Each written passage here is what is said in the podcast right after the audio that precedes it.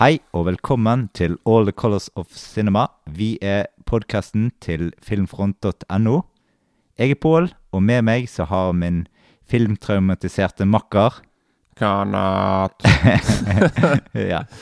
Eh, du kan høre oss på Spotify, Soundcloud, Filmfront og iTunes. Eh, og hvis du hører fra iTunes, så gjerne gi oss en rating fra 1 til 5 der. Pretty please. Yes. I dag så snakker vi om eh, Point Break, Cliffhanger og The Rock.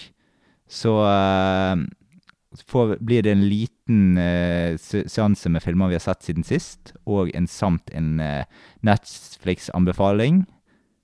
Men først vil jeg bare si at jeg elsker press, og jeg spiser det til frokost. Ja. Ok, Jeg er ikke sikker på hva film det er fra, da, så du oversetter til norsk. da Nei, det er fra The Rock, da. Det, er fra The Rock. ja, det måtte Mm. være The Rock. Er det da Det Sean, er- Sean Connery? Nei, faktisk ikke. Ah, nei, Det ok. er Nicholas Case du ser i filmen. Ah, ja, okay. Ja, eh, men eh, først har Kenneth noe han vil eh, innrømme. ja. Jeg må krype til korset, som det heter.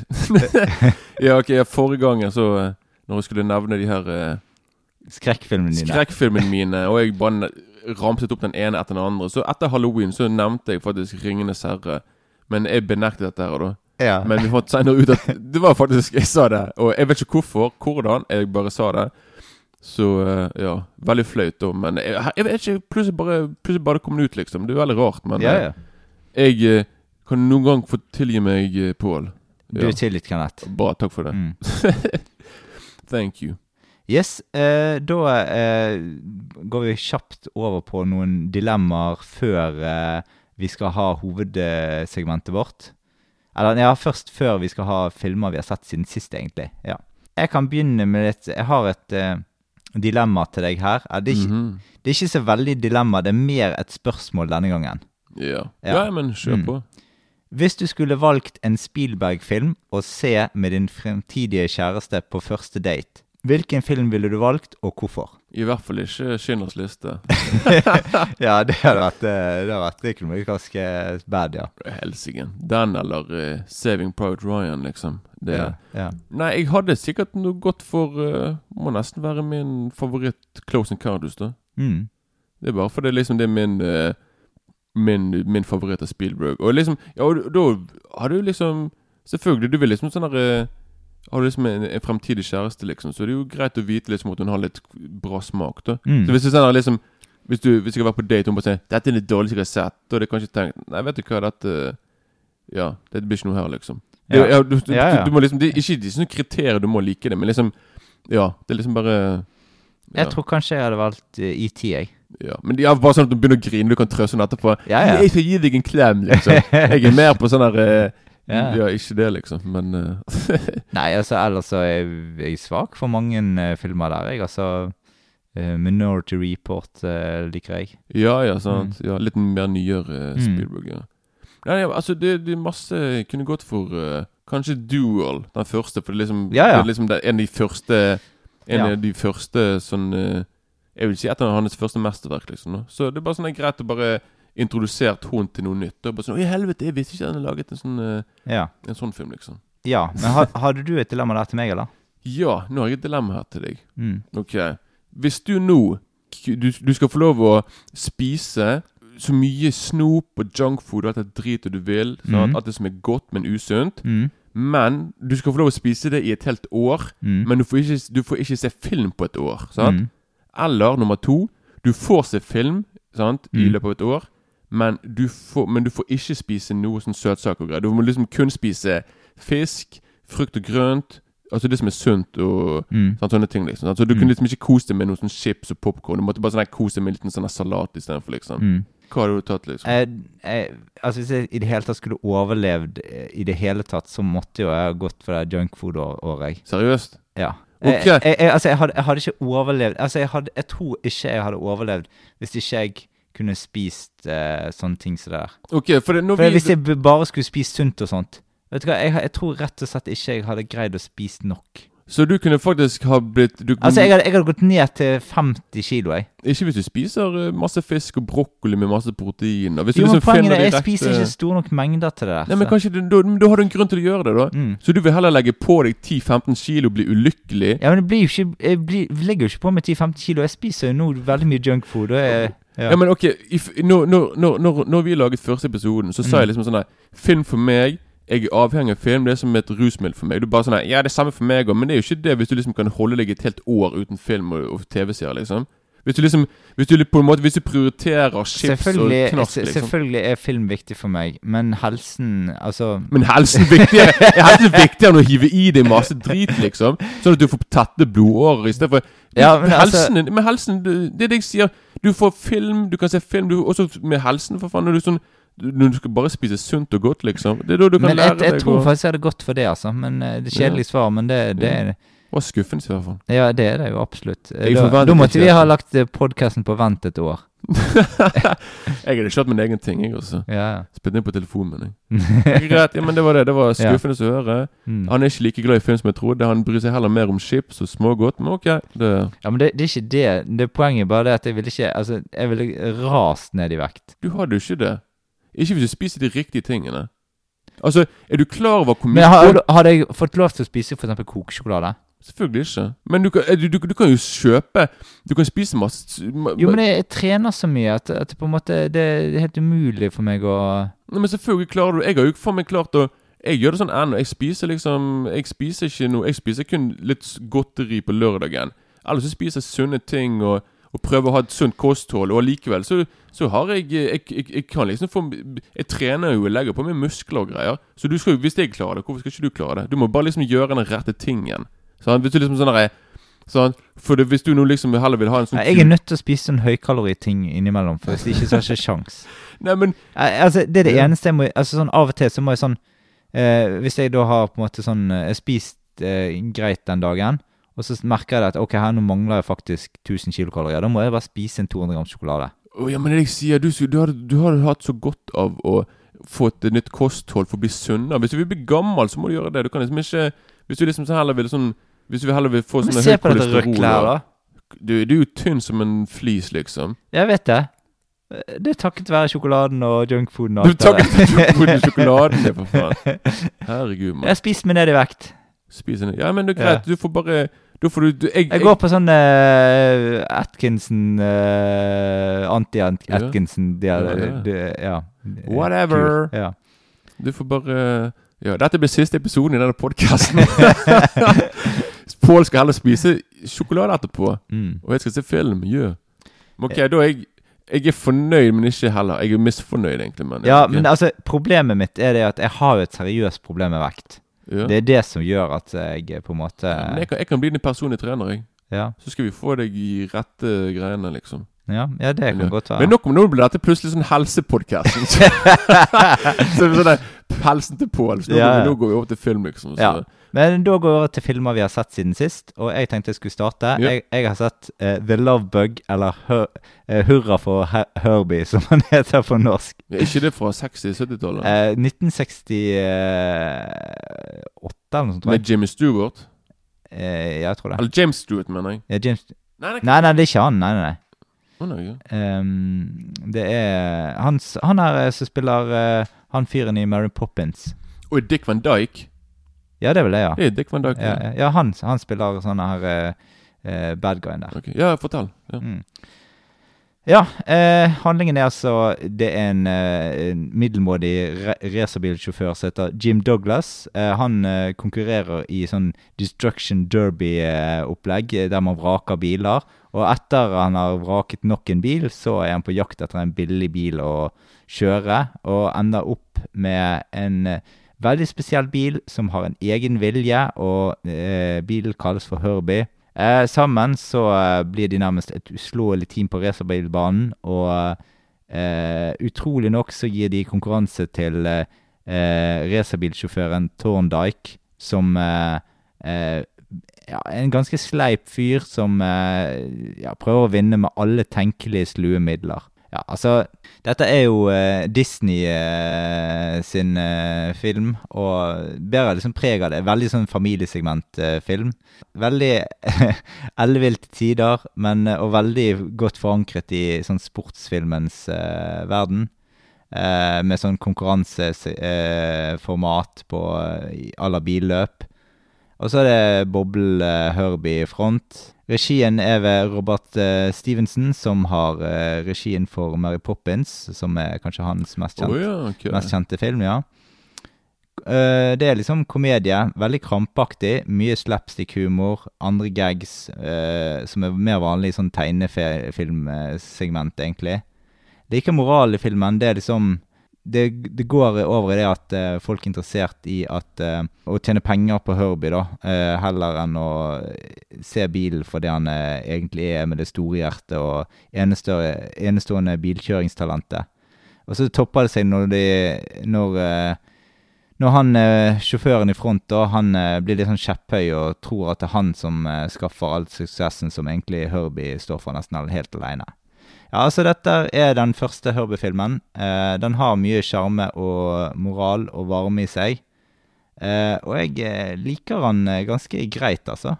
Det passer bra for barn og er litt sånn tegneseriehumorpreget. Eh, og ja, mye sånn rart med at eh, ja, man skrem, skremmes og bilen faller på taket og Men mot slutten da, så blir det mer og mer hindringer i, eh, i veien, og så men Innerst inne så vet du da at dette kommer til å gå bra. Fordi Disney. Den er alle blitt drept. Ja. The end. Men avslutningen av filmen den er mye mer ellevill enn første del, og det redder litt av inntrykket. Og jeg får frem litt sånn smil og litt sånn eh, smålatter i denne filmen her. Så ja, terningkast eh, fire, fire pluss, kanskje, noe sånt. Rundt der. Er dette første Herbie-filmen du laget? Ja, det er det. Mm. Jeg jeg, jeg, ja, jeg tror ja, jeg har faktisk ikke sett noen av de andre. Eller jo, jeg har sett noen av de andre på VHS da jeg var liten, men jeg husker ikke hvilken. Jeg tror jeg har sett de fleste. Ja. Var det, heter, heter, heter Monte Carlo, var det du sa? Nei, nei, nei. nei. Han heter uh, The Love Bug. Men Jeg tror de har en som heter Herbie Monte Carlo. Ja da, Ghost. Monte Carlo, Ja, Mm, det vet jeg at de har. Mm. Jeg tenkte jeg skulle se de Herbie-filmene, for jeg, eh, jeg må bare se hva jeg har sett fra før og sånt. Woohoo. Ja, Da kan du få lov å ta en film du har sett siden sist. Oh yeah. Nå skal vi til eh, Kina, eller Hongkong, og vi skal til eh, året 1979. Ja. Filmen fra 1979. Og har du eh, sier, altså Filmen heter Bolo. Vet du hvem jeg snakker om da? liksom Har du hørt om en, for, en som har Bolo til fornavn? Eh, ja. Hvem da? Bolo. Eh, Young, eller noe Ja. sånt. Ja, ja, ja, ja. Han, han fra Bloodsport. Ja, bra. Det var bra, det var bra. Nice, veldig bra. Jeg er imponert der. Mm. Ja, Bolo Young, altså han store muskelmannen Mm. fra, fra Best kjent fra Bloodsport, som du sier. Men dette her er faktisk den er en av to filmer som har regissert sjøl. Mm. Som heter, som heter, filmen heter Bolo. Mm. Regissert av Bolo Young. Så det er veldig sånn litt sånn egotripp, Ja. liksom. da Men dette handler i hvert fall Det er, det er Bolo, Bolo Young spiller en, en sånn eh, Han sitter i fengsel, da. Mm. Og så han og en annen, eh, annen kompis av ham i fengsel, de på en måte De blir sluppet fri. Mm. Sant? Bare sånn her, Ja, de skal Pardon. Hva heter det på norsk når du, når du får sånn pardon? Unnskyld. Er ikke det? Ikke unnskyld, men liksom du skal få bli sånn Sånn som presidenter kan gjøre med bare sånn, Ja, nå skal du ut av fengsel. Nå du, du skal få en sånn her uh, En pardon. Benådning? En benådning. Ja, Ja, ja, ja, det ja. er to stykker som blir benådet. Ja. De blir benådet, og så får de ansvaret for å være de, I filmen så kaller de for sheriff, men det er veldig rart sheriff i Kina. Liksom. Mm.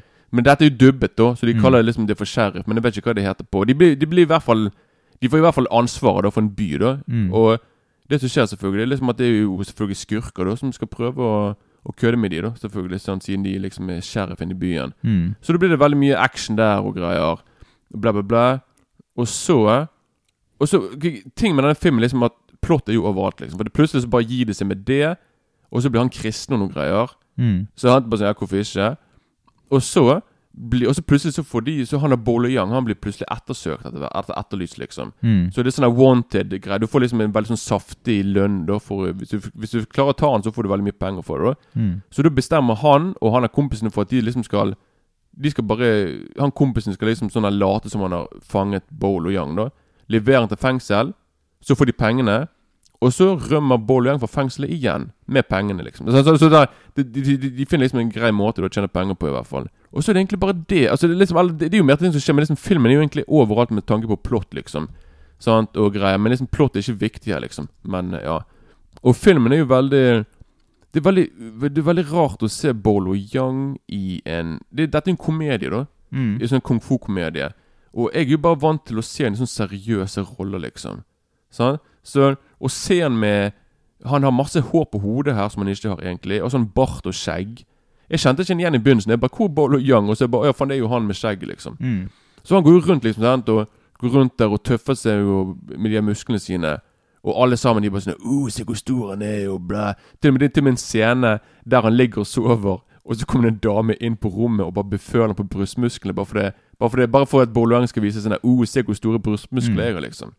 Og det som er veldig rart, liksom Han er gigantisk i filmen, men jeg så nå Han er faktisk Han er faen ikke Han er sånn der eh, en, Han er, han er un, under 1,70. Men han er kjempestor i filmen, liksom ja. masse muskler, men liksom kineser er jo liksom litt lave, Mm. da.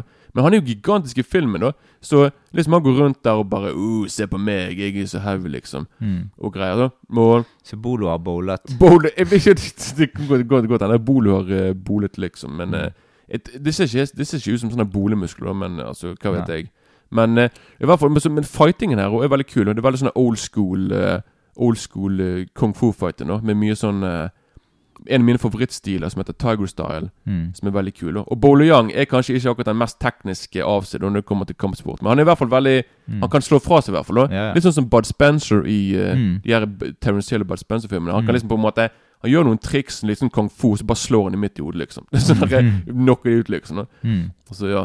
Men i hvert fall, det, det, det, var, det var en overraskende bra film. da Og veldig sånn Med tanke på at dette var liksom den første filmen han la som han regisserte sjøl. Og overraskende veldig bra. Bra sånn Selvfølgelig, Filmen er jo dubbet, da, så det Mm. filmen blir bare enda mer underholdende. Fordi folk snakker bare sånn her Yeah, man, Master Town blah, blah, blah." Så de, de, de, Mm. de snakker mange sånne rare dialekter, i hvert fall. Mm. og, eh, og greier. Men det funker i hvert fall. Og jeg storkoste meg, og jeg hadde stor smil under hele filmen, egentlig. da Så Mm. du ga Herbie fire, jeg gir den her òg terningkast fire. Ok, så like bra som Herbie. Ja, jeg tror han er kanskje litt bedre enn Herbie, men hva, hva vet jeg, i hvert fall. Men eh, ja, Mm. kul film i hvert fall. Bolo Young. Mm. Da eh, beveger vi oss over til uh, hovedsegmentet, og vi starter med filmen Point Break. Her er traileren. Not even sex. We are the ex-president. Total commitment. It's a real thin line between life and death. I'm not a crook. It's not tragic to die doing what you love. If you want the ultimate, you gotta be willing to pay the ultimate price. Thank you very much, ladies and gentlemen, and please don't forget to vote. You want to nail the bank robbers and be a big hero? Definitely. The ex-presidents are surfers. You're trying to tell me the FBI is going to pay me to learn to surf? Fear causes hesitation. Hesitation will cause your worst fears to come true. We'll take you to the edge. Past it. This is gonna be a great day, Johnny. Ja, det var altså Point Break-traileren. Eh, du fikk en liten smakebit av den der. Ja. Eh, handlingen eh, fra Point Break er veldig enkelt fortalt at vi har en eh, FBI-agent agent som heter eh, Johnny Utah. Han er ganske fersk i gamet og får i oppdrag å infiltrere en gruppe ekstreme surfere som eh, de tror kan være bankranere maskert som ekspresidenter. Det er egentlig hele handlingen her, da. Eh, vi tenkte vi først skulle gå inn og um, em, Første vi tenkte her, var å høre litt om første gang vi så filmen. Eh, hvor, tid, hvor, hvor, tid, hvor var du når du så så Hvor var du? Hvem var du? Ja.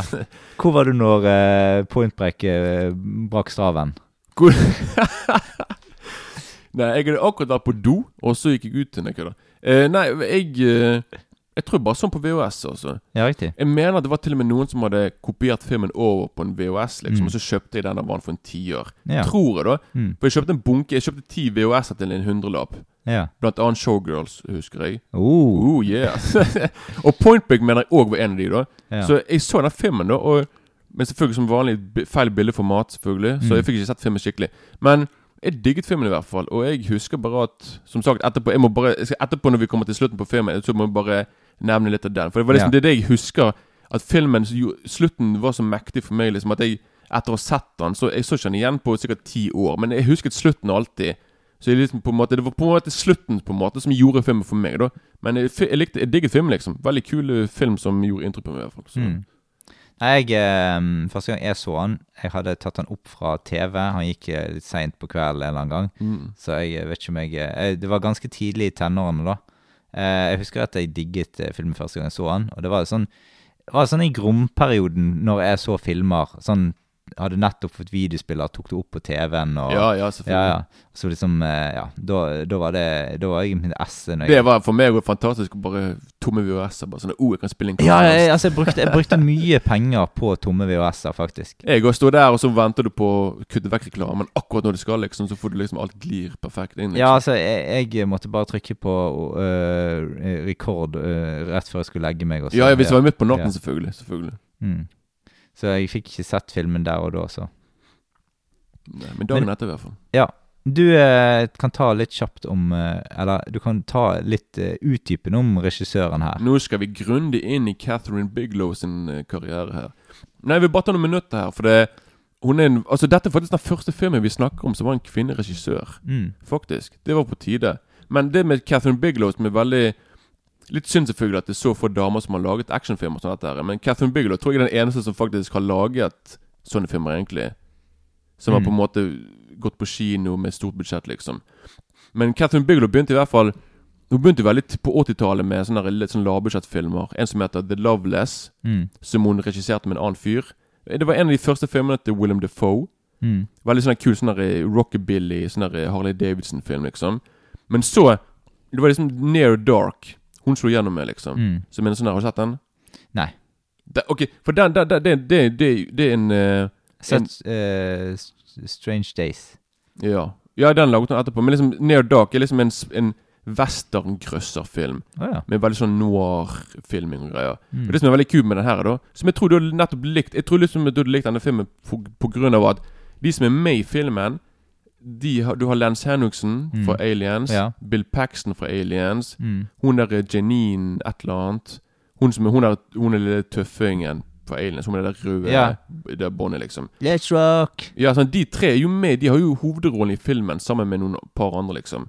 Så liksom veldig mange fra Aliens er med Mm. på denne filmen her, liksom. Og Catherine Bigelow tror jeg kanskje var sammen med James Cameron. Ja, han var- han var det. Ja, sånn. Ja. Og så, så hun laget den, og det er en film jeg absolutt anbefaler for de som vil se en konge, sånn sånne kultfilm. Så Near Dark er perfekt. Mm. Og så, har du, så laget hun en film som heter uh, eh, Blue Steel med Jamie Lee Curtis. En sånn Ikke sett heller. politifilm. Ja, ja. En sånn OK-film, liksom. Men så laget hun Strange Days, som du sier. Mm. Det er en helt uh, Nei, nei, den- så laget hun Point Break, og så laget hun eh, Strange Days etterpå. Mm. Mm. Som en sånn cyberpunk-film med, Mm. med han der Ray Fines og Mm. eh, Angela Bassett. Som er fantastisk. Det, det, det, jeg anbefaler den òg, liksom. Near Dark og Og, og, og eh, Strange Days. Strange Days, ja. Ja, ja. Anbefales, liksom. Men så gikk det på en måte litt sånn her, Så gikk karrieren litt nedover, egentlig. Hun begynte sånn å lage sånn Gikk over på å lage sånn TV TV-serier og greier. Og så, i 2008 The Hurt så, Ja, da Locker. smelte hun til med The Hurt Locker. Der hun ble nominert til og med. Og vant for beste regissør. Ja, eh, best, beste film òg, tror jeg. Var ikke det? Nei, var ikke det Avatar? For det, det var, det var Nei, ja, jo Nei, vent den, da? Jeg, jeg tror, Var det hørt Hurt Locker som vant? Jeg, Jeg tror det var hørt Locker som vant, for det var veldig overraskende, husker jeg. Ja, for det, for det er liksom Det kule Alle her er ville jo at eh, på en måte Avatar skulle vinne, liksom. Og så ble ja, det ja, det var liksom for den har jeg spilt inn så jævlig mye penger òg. Men i hvert fall ja, for det, Catherine Biglow var jo gift Med- med, James Cameron, som Ja. regisserte Avatar. Så det var liksom Jeg husker veldig godt Oscar 2009, når det var liksom James Cameron, Catherine Biglow, to ekser Mm. mot hverandre i Oscar, og hun vant. Den første kvinnen som vinner en Oscar for beste regi. Mm. Velfortjent. Kjempebra film, liksom. Så det var veldig liksom Så, så, så etter hun laget den, så laget hun uh, denne Zero Dark 30, Mm. som også er sånn eh, politisk film. Ja. Også Detroit, som også er sånne her politiske greier. Mm. Men så har på en måte Hun har på en måte sånn Karrieren hennes har gått sånn opp og ned, egentlig. Sånn, hun har perioder der hun lager sånn, der, når, hun- når hun begynte med Near Dark frem til Strange Days. Det var liksom Mm. fire-fem filmer, kjempebra filmer, og så var det liksom en sånn, litt Da liksom dalte det ned. Før kom jeg The Hurt Locker, så laget hun liksom tre filmer, og så har det på en måte gått ned igjen. Og så er det sånn Mm. derre Ja. Men ja. Så det var litt med hun, da. Mm. Som hun uh, Hun fortjener absolutt å få alt den uh, Å få all den suksessen hun, hun egentlig fortjener, da. Så, Mm. eh, så ja. Og Ja. så bare Og så var det Ja. Og så fotografen på filmen. Han har, han har faktisk lag, fotografert Grinchen. Uh. Grinchen, Men in Black, ja. Flashdance og litt sånne ting. da Så, ja, ok. Nice. ja. Så, det, som, ja, så det holder med de to. Da så kan vi bare gå rett istedenfor inn til uh... Ja, men jeg tenkte vi skulle gå rett på skuespillerne. Ja! Det er skuespiller òg med i filmen, faktisk. Mm. Det var uh... Ja, da kan du si Du, du kan bare si litt eh, noen av de som er der, da. Ja, altså, du har jo uh, Keanu Reeves i hovedrollen. Keanu. Keanu. Ja, du har jo selvfølgelig Patrick Swayze. Swayze. Swayze, ja. Swayze. Swayze, han. Patrick Swayze. Ja. Nei, men, men ja, du har Patrick Swayze. Du har uh, den litt eksentriske Gary Busey. Mm. Dette var, jeg tror dette var rett før han havnet i en eh, alvorlig motorsykkelulykke. Der han fikk en, du fikk en hjerneskade, da. Som har gjort at han har blitt veldig Han er veldig spesiell, for å si det sånn. altså okay, Men ja. dette tror jeg var rett før, da. ja. Men eh, Så du har, du har han, liksom, og så har du hun Hun, hun er faktisk den ene da, eneste damen i filmen. egentlig Eneste kvinnerollen her. Laurie Petty heter, heter hun. Ja. Så en liten, liten hissig dame. Hun, hun har faktisk vært med i eh, Husker du Ja, det er noen flere jenteroller i filmen. Du har jo hun der eh, med de store brystene og Ja, men nå snakker vi om faktisk Ja, ja, men jeg, snakker om karakterer som har en rolle, ikke bare en liten sånn derre Se på meg, se på Ja, kroppen min, liksom. Mer sånn Hun har jo Hun er liksom den store kvinnelige rollefilmen. Ja, ja, absolutt. absolutt. Men hun er jo Hun har Hun har faktisk vært med i eh, Hun var med, var med i Slipp Willy fri. Hey, Ja, ja. ja. Mm. Faktisk der. Hun er, det er hun som liksom trener Willy, da. Oh, ja, det er det, ja. Ja, ja, Når han der gutten begynner å Ja, jeg, jeg syns jeg hadde sett henne før, ja. Ja, det er liksom hun som svømmer med Willy og Ja, greier. Og ja, bare sånn her, yeah, boy. Og så er det han der godeste John C. McGinley, som er kanskje mest kjent for Scrubs-serien, egentlig. da Og han er faktisk med i The Rock, som vi skal snakke om etterpå. Oh. Han spiller en av de soldatene til Ed Harris, liksom. ja. Og John C. McKinley, han spilte òg i Husker du Platoon? Ja, ja. Ja, Han spiller liksom en av de her bad guysene. Han, liksom, han spiller liksom en av de som virkelig ikke liker Charlie Sheens karakter. da Mm. så han, John C. McKinley pleier alltid å spille sånn usympatiske karer, da. Som eh, sånne slemme folk, liksom. Men i Mm. Scrubs der er det òg litt samme der òg. Han er litt sånn der uh, i trynet, da. Mm. Men i hvert fall så har du liksom Og du har faktisk Det så jeg Det var først nå jeg så det. Faktisk han eh, frontfiguren i Red Hot Chili Peppers. ja. Husker du når han der eh, Keanu Reeves begynner å fighte på stranden, og så kommer Patrick Swayze for å hjelpe han? Ja, ja. ja. Ja, de her, de her, de her slemme guttene på stranden. Han er Mm. minste, han er lille duden. Det er faktisk frontfiguren i Red Hot Chili Peppers. Å, såpass, ja. Det så jeg først nå. Jeg bare, ja. jeg bare Hvorfor er det han, liksom? Mm. Tid, liksom. For jeg så han, og jeg bare Er det han? Men så så jeg at det var det, da. Så Mm. Og han, han har faktisk Han har faktisk dialog i filmen nå. Så det var Mm. litt uh, Mm. Så det er egentlig kanskje de, uh, Ja. de Du har selvfølgelig andre år. Ja, faktisk han har Tom Sizemore. Ja. Som uh, Dette var egentlig før han ble kjent. Han, Mm. han spiller så Han er med i sånn ti sekunder, så forsvinner han egentlig. Ok. Ja. Han, er, bare- han, er, han er sure agenten. Når de liksom Når de liksom tror de har fanget de ekte bankranerne, ja. Og så har de egentlig feile folk, og han kommer der bare sånn 'Forbannede idioter! Jeg, Ja, ja, jeg har vært ja. undercover i tre måneder!' ja, og så, ja, det, sånn, det- det, det er Tom Det- Han er med i sånn 30 ja, sekunder, og that's it, liksom. Så det er liksom rett før han slo gjennom med Heat, da. Mm. Så, Mm. ja. Men ok, nå kan vi gå rett inn i filmen, da. Ja, det hele åpner med altså Det er surfing eh, med Patrick eh, Swayze.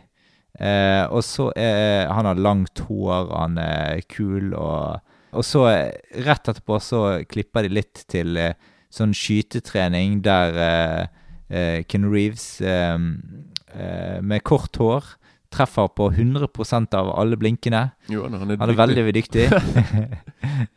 så får det liksom går det liksom kjapt over på at du ser se noen ranere med masker som tidligere presidenter. Um, Kan du nevne de presidentene?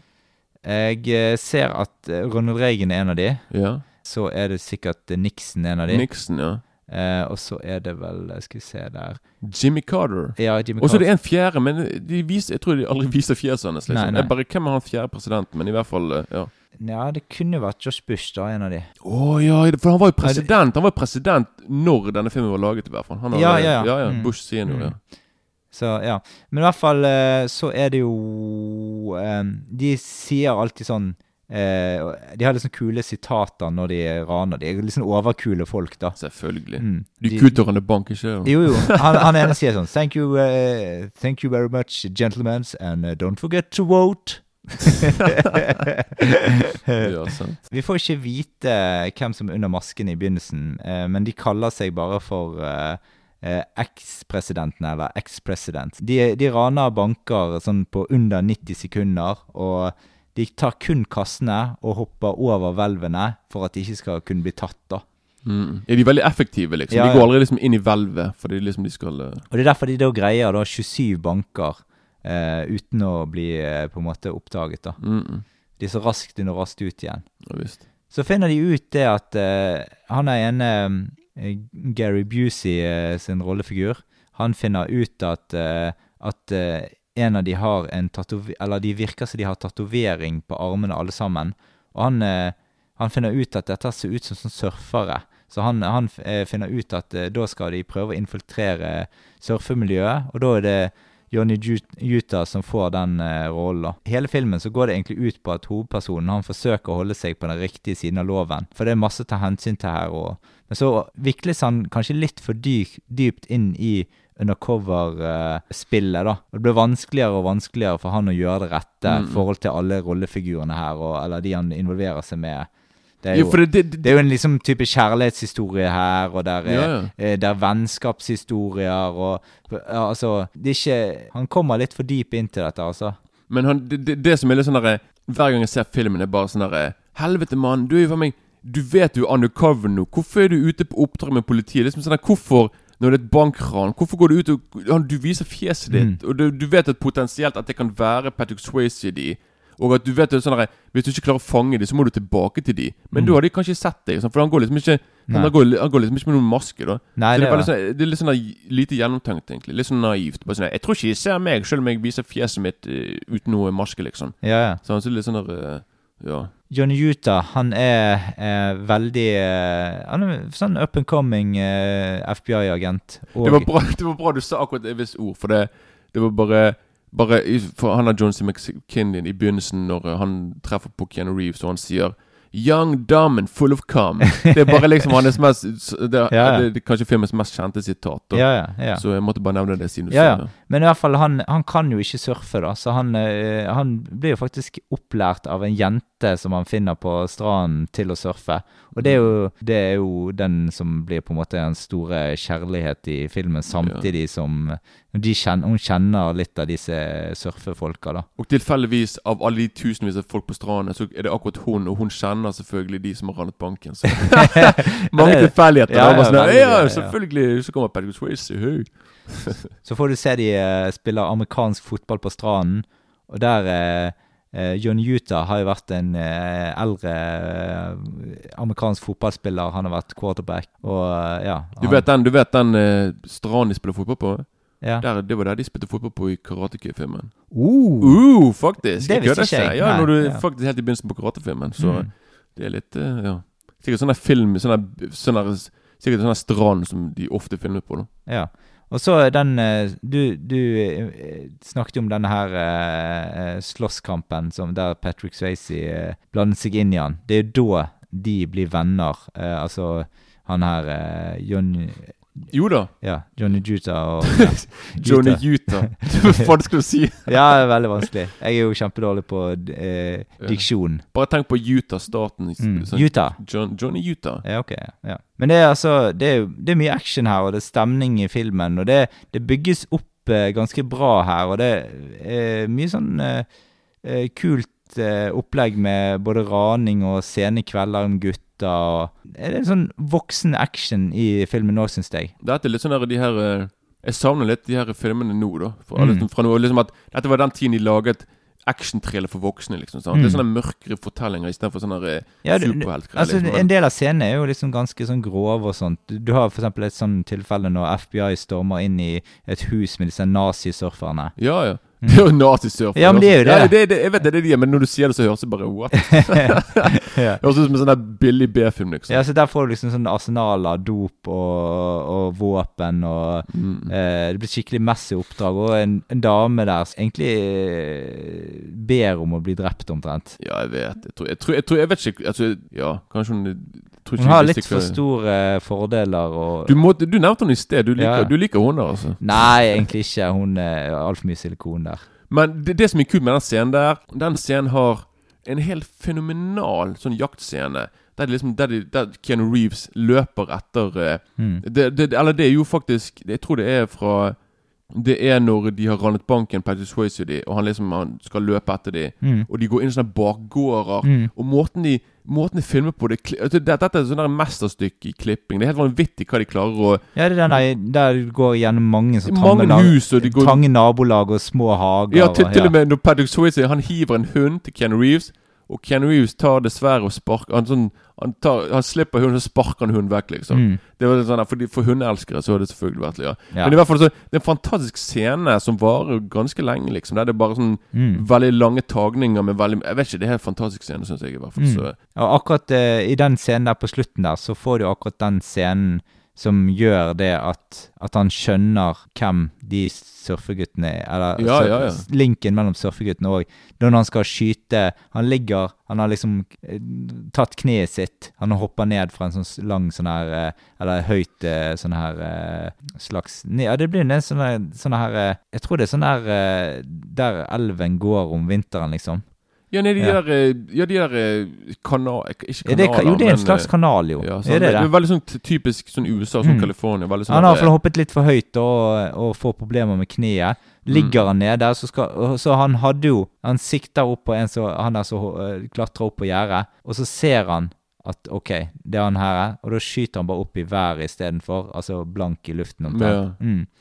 For han hadde jo Du så jo det med at han treffer 100% i begynnelsen der, at han hadde jo skutt han lett. Ja, det er selvfølgelig. Han er bra, bra på det, liksom. Men ja, selvfølgelig, jeg tror det er da han og Patrick Swayze ser at OK, han er, han er purk, liksom. Mm. Så det er der på en måte filmen Det er liksom den da på en måte snur opp ned på det at de, de er ikke venner lenger, liksom. Sant? Da skal de plutselig uh... Og så får du jo liksom disse her eh, Senere i filmen så får du litt sånn her Eller ikke, ikke så veldig mye senere. Du får liksom de der eh, luftakrobatscenene. De er ganske kule scener oppe i luften. Og så får du sånn Du får liksom se liksom De gjør litt sånn her luftakrobatikk, samtidig som du på en måte får se eh, både oppenifra luften og Ja, ja. nedenifra, ovenfra bakken. Altså sånn Det er ganske stil, eh, stilig sånn her eh, eh, område de hopper over. det, var, det var faktisk Faktisk, jeg leser faktisk Patrick Swayze hoppet over 50 ganger. Og de måtte stoppe han fra å hoppe, for han hoppet for mye, liksom. Det var Oi, sånn, nei, ja. ja, jeg, vil, Jeg trodde du egentlig ville bruke sånn stunthopper, men han bare Nope, jeg hopper sjøl. Mm. Så liksom når du ser han fly, i hvert fall sånn nærbilder, da er det han i hvert fall. Ja. Men han, han hoppet jo mange ganger uten at de filmet, da, bare for han elsket å hoppe ha fallskjerm. i hvert fall. da. Ja. Så det litt uh, Mm. Jeg tror liksom at forsikringsselskapene tenkte litt sånn der Jeg vet ikke helt, jeg. Kanskje Nei. du skal ha en sånn stuntmann som hopper, liksom. Mm. Men som du sier, det er helt fantastiske, de her scenene når de hopper ned. Og liksom, når du ser Keanu Reeves hoppe, det ser ut som at han har hoppet. Jeg vet ikke Mm. om han hoppet sjøl, da. Nei. Jeg har ikke peiling. Det, det kan godt hende at kanskje han hoppet sjøl, men sikkert fra en annen med svart hår. ja, men du ser, nei, men liksom De filmer jo han Du kan liksom se liksom de filmer han oppenifra. Der du Ja. liksom ser liksom at han flyger. Og det kan Mm. sånn Selvfølgelig de kan jo bruke noe sånn green screen-greier, men Mm. jeg vet ikke om de hadde teknologien til det på den tiden der. da Men uh, hvem vet? Det ser i hvert fall veldig kult ut. Mm. Så Men uh, filmen er bra stemningsskapende og intens hele veien. Og jeg liker liksom stemningen. Det er liksom lumsk, og det, det er litt sånn skittent uh, innimellom. Og det, det foregår litt i kulissene. Og det er sånn at i begynnelsen så Man skjønner jo egentlig kjapt hvor dette bærer hen, sånn sett. Men det liker, liker likevel at det, det beholdes litt på stemningen der, på at du er litt i tvil hele veien, og kanskje det er noen andre, eller sånt, sant. Men det er jo det, altså, det blir litt, litt for åpenbart, fordi at det er litt for få rollefigurer her til at det ja, kan det, være noen andre. det er helt sant, faktisk. Det er Ja. veldig få karakterer Det er liksom veldig sånn intim sånn der, eh, fortelling, dette, egentlig. Det, det, det er veldig få karakterer som er med, egentlig. Selvfølgelig. Mm. Og faktisk, jeg tror liksom at det er veldig mange som ikke engang egentlig Siden Patrick Swayze, de bare Nei, men han er ikke Han er jo så snill. Ta på Mm. Ghost og, og, Mm. og Men det er jo derfor, derfor det er litt sånn genitrekk å ha han i nettopp denne rollen her. Du forventer For- liksom ikke ja. Ja, for du bonder litt med han, og du Og det Du merker jo at han eh, eh, Johnny Utah òg, han bonder bra med han, og de har liksom Ja. Det blir liksom de De blir får et helt nært vennskap i filmen, da. De får det. Men kan jeg, jeg, jeg, må bare, jeg vil bare fortelle litt om eh, Ja. Eller snakke, snakke litt om karakteren til eh, Patrick Swayze her. Mm. For, det, for meg, helt siden jeg så filmen første gangen, og til og med nå sånn nå Hver eneste gang jeg ser han, så, så, så syns jeg liksom at Patrick Swayze har en veldig sånn ut, Ikke utenomjordisk, men hva heter det? på engelsk heter det sånn otherworldly eh, bla, bla, bla. Sånn der eh, utstråling. Han på en måte Han, han virker som han er på en måte hva skal jeg si, Han er et menneske, men jeg synes han virker Det er noe, det er noe veldig sånn spirituelt med hele fyren. liksom sant? Til og med når han eh, Når hun er, hun er, når hun er eksen hans, hun som hun blir sammen med Keanu Reeves, hun sier til og med Hun kaller vennene til Patrick Swayze, denne gjengen, for hans disipler. Sånn? Mm. Og du, jeg er ganske sikker på liksom at de prøvde å få det til å virke som at Patrick Swayze var en slags Jesus. En slags sånn Mm. figur for de, liksom. sånn? For mm. han er sånn han er en veldig sånn der, Ja, en sånn filosof fra havet før. Altså det er sånn der, det er veldig sånn der, De prøver virkelig noe, noe med karakteren til Patrick Swayze enn at han bare skal være en, Mm. en, en hippie som driver med bankraner. bankraner liksom. Da må jeg bare Han bryr seg veldig mye om eh, de, med, eh, de folk han har med seg òg. Du, du ser det liksom helt på en Ja. Ja, selvfølgelig. Han er ikke, Ja. han er ikke noen sånn iskaldblodig sånn kaldblodig morder, liksom. Mm. Han liksom Han er bare en Jeg tror, jeg tror egentlig disse raner mer for at de skal ha et rush, og for at de skal kunne leve litt livet med disse pengene og dra litt rundt på strender og surfe og ha det gøy, liksom. Ja, ja for det navnet hans, sant? det er jo Bodhi, sant? Mm. Og det er forkortelse for Bodhisatra. Mm. Eller, eller Bodhisattva. Som handler Det, det er liksom det er liksom, det, da, da tenker man selvfølgelig på Buddha, da. Og det, det handler liksom på en måte om Bodhi. Det handler på en måte Det handler om opplysning. Sant? Om Mm. enlightenment, hele pakken der, liksom. Så liksom, det, det, det, det, det er derfor det er mye mer flere lag til Patrick Swayze sin karakter. Og derfor man kan på en måte tenke han på han Man kan tenke på han som en slags religiøs figur. Sant? Liksom at, sant? Mm. For de, hans disipler. Sant? Altså, skjønner skjønner du hva jeg mener? Mm. At du kan på en måte Du kan lese veldig mye i filmen da enn kun en bankraner som har bra hår. Mm. Sant? Liksom sånn der, Så ja Så det er derfor, det er derfor Ja, så det er derfor jeg liksom er, og, og slutten på filmen får det spesielt til å bli det, syns jeg i hvert fall. da Mm. Sånn, så Ja. Ja, jeg tenkte vi skulle ta litt om den sluttsekvensen der. For det, det er en ganske lang eh, slutt i filmen. Men det er bra spennende, og det gjør, eh, altså, det gjør mye i filmen. Det, altså, den slutt, sluttsekvensen drar litt ut. Mm. Men allikevel det, hva, det var den du sa du husket så godt fra filmen. Ja, for liksom Tingen her Jeg syns slutten er så mektig. For liksom du vet liksom at Du vet at Patrick Swayze Du vet Bodhi har en stor tilknytning, tilknytning til havet. Mm. Og han snakker igjen Helt siden I flere ganger i løpet av filmen Så snakker han liksom om denne 50-års hva 50-årsstormen som kommer, liksom. Ja, ja, ja. Og han på en måte vil finne den perfekte bølgen å, å, å surfe på. Mm. Sant? The, the, the perfect wave, et eller annet som de Mm. kaller det for. Så liksom det er liksom det han vil ha. Så på en måte Keanu Reeves vet jo hvor han skal leite etter ham. For han vet liksom på en måte at Patrick Swayze sin karakter ikke kommer til å Mm. han, skal, han skal ri den bølgen, liksom. Mm. Så det, det er liksom bare derfor liksom, Når han faktisk gjør det, at han Han, han får han, for, Først så tar jo Keanu Reeves og han tar liksom Han tar jo håndjern på han og liksom klar for å arrestere han. Mm. Og så sier han bare sånn Patrick Swayze bare sier sånn Da sier Patrick Swayze bare sånn «Nei, La meg Kanskje få være så snill og bare Få bare ri den bølgen, liksom. Og da ser du på en måte liksom den der At Keanu Reeves på en måte De har jo denne connection, og at han på en måte vet hvor mye det betyr for han egentlig. Da, Mm. at han tenker sånn Nei, han skal få lov til å gjøre det, og det er fordi at han vet jo òg at han ikke kommer tilbake. De vet Ja. liksom Ja. Han vet at bølgene kommer til å bare å spise han opp, egentlig. da Mm. så det er derfor jeg bare syns liksom at, at film At slutten er så mektig. For liksom han lar han få gjøre det. Han, han flyr inn i vannet, liksom. Og så bare Og så ser du det kommer en bølge som bare Som Mm. svelger han inn, og bare Han forsvinner. Og du vet på en måte at nå har han Nå har, nå har Bodhi liksom blitt en del av havet. da Mm. At han liksom er blitt en del av eh, naturen. Som, Mm. en, som, som man sikkert ville. Og når han da på slutten bare Når de der eh, politifolkene kommer bare sånn «Eh, 'Hvor er han?' og hvor, 'Hvor er han?' liksom Og da sier han bare 'Nei, han han kommer ikke tilbake', liksom. Han er liksom Han er vekke. Han er liksom en del av, eh, Mm. av det store blå, liksom, nå, da. Mm. Så eh, det er derfor jeg syns det For jeg synes det, er liksom, det, det er så mange lag til filmen, egentlig, som, Mm. som Jeg tror ikke så mange legger merke til, egentlig, da. Men Mm. jeg la merke til det, i hvert fall. da Ja. Så eh, ja. For jeg er spesiell. You're special. I'm special boy, så Men i hvert fall der er, altså For å oppsummere litt, da. Nå har vi kommet til liksom oppsummeringen. Vi, vi har tatt liksom slutten her. Ja. Og, ja. Det, det er veldig mye action i filmen, og jeg husket ikke alt som skjedde. Det, det er fire år siden jeg så filmen sist før denne Nå, ja, gangen. Mm. Jeg syns filmen feng, fanger interessen min fra egentlig første stund og sånt. Og det, Mm.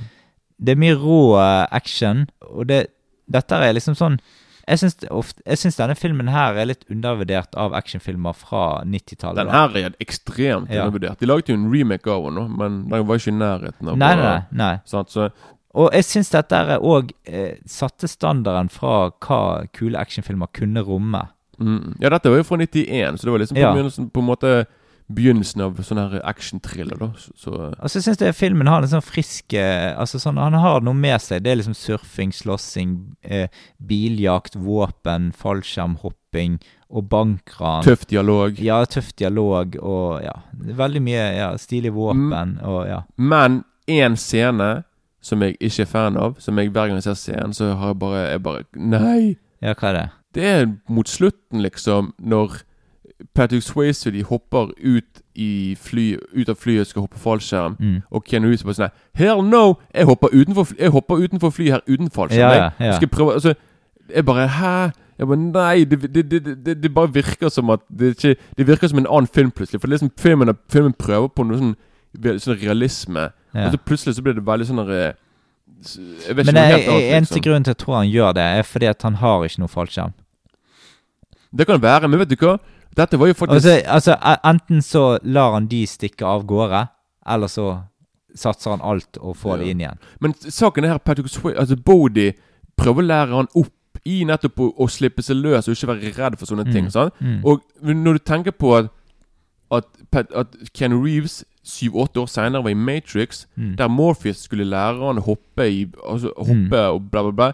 Og liksom ikke, ikke være redd. Hopp i det, liksom. Mm. Så jeg, jeg føler på en måte liksom at du kan nesten si at Bodie og Morpheus er litt sånn samme type Ja, ja. karakterer. At de på en måte sånn nei, sånn, sånn, Mm. Skjønner hva jeg mener? Så, Mm. det er liksom, jeg, jeg kan tenke på at kanskje Keanu Reeves på en måte har funnet ut at, funnet ut at, liksom at han Selvfølgelig, jeg har rom på dette her. Jeg tror jeg kan klare å hoppe ut her. da Men det, bare, Mm. det virker bare veldig urealistisk for meg, i hvert fall. Ja, ja. Men jeg kjøper det litt, i hvert Mm, fall. mm. Men allikevel så blir jeg litt, jeg blir litt sånn tatt ut av filmen. For jeg bare sånn «Ah, Jeg vet ikke om det går an, liksom. Ja. Men, uh, ja. Men jeg syns i hvert fall eh, filmen er som en slags sånn tidlig versjon av uh, Michael Manns uh, actionthriller Heat. Jeg synes jo kanskje Heat er jo kanskje en litt bedre film, men Point Break er litt kulere enn Heat, syns jeg, sånn i kulhet. Jo, jeg, jeg er helt enig med deg 1000 der også. At, ja, det er sant det du sier, at teknisk sett så er Heat den bedre filmen, selvfølgelig. Mm. At Michael Mann har kanskje litt mer på lageret der. Men uh, ja, som, som du sier, altså, den er Point Break er kanskje litt kulere, selvfølgelig. Mm. Kulere og kanskje friskere, for det, Heat er en, en litt sånn satt film, egentlig, men, men har, den er såpass bra lagret at eh, ja. Mm, ja, ja. Det er en bauta, liksom. Eh, ja. Eh, men i hvert fall, i mine øyne så er Pointbreak Point Break eh, litt sånn glemt og undervurdert film som kanskje folk eh, ikke trekker så mye frem for tiden, og den bør trekkes mer frem i lyset. Det er relativt barsk eh, actionfilm eh, med ganske kul eh, filming. Det er bra driv i filmen, Mm. og det er en av de bedre filmene fra, altså actionfilmene fra 90-tallet. Jeg er helt, jeg er helt enig med deg der, altså. Det er veldig garantert. Jeg tror liksom det er en film som ikke så mange vet, vet om, egentlig. da Men det er kanskje fordi det, det er ikke akkurat en film de viser så mye på TV. Og Nei. Du kan se den på streaming nå, det kan du faktisk. Mm. Sant? Så Men liksom Ja, jeg så han faktisk på uh, blockbuster.no, tror jeg. Oh, ja, ok. Ja, for jeg, em, jeg hadde han rett og slett ikke. Jeg vet ikke hvorfor jeg ikke har han. men jeg- Av en eller annen merkelig grunn så har jeg ikke den filmen lenger. Ja. Nei, nei altså, jeg, jeg, vil, jeg, vil- jeg, vil, jeg vil også bare si Ikke Altså, Du kan se remaken, men ikke, ikke se remaken og tro liksom at det er den vi snakker om nå, liksom. Nei, nei. At sånn, Nei, remaken den skal ikke være den, Remaken har bra sånne eh, fallskjermhoppescener, et eller annet. Jeg har ikke sett den, men Nei, det, det er liksom det eneste som skal være bra med filmen. nå Mm. Mens Point Break har liksom alle kule karakterer. Og liksom Det er en mye bedre film, i hvert fall. Mm. Men eh, da kan hoppe rett på terningkast. Jeg gir en eh, fem minus for denne. Jeg er på kanonsterk femmer, jeg, altså. Mm, Elsker ja. filmen. Ja. Så altså femmer for begge to, da, egentlig. Mm. Mm. Så gjennomsnitt fe akkurat fem. Akkurat fem, faktisk. Det er faktisk sant. Fem pluss fem minus, det blir fem blokk. Ja, ja. da går vi over på cliffhanger, og vi hører trailerne. Oh, yeah. Please, I don't want to die. You're not gonna die! Don't let me fall.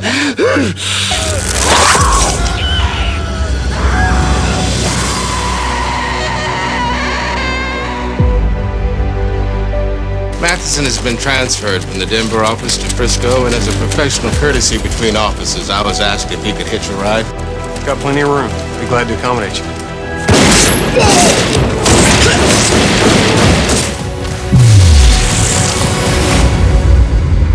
Briscoe. got an emergency call at five climbers just ran off Combe Left. I haven't climbed in months. You just lose the feel. Maybe you mean the nerve.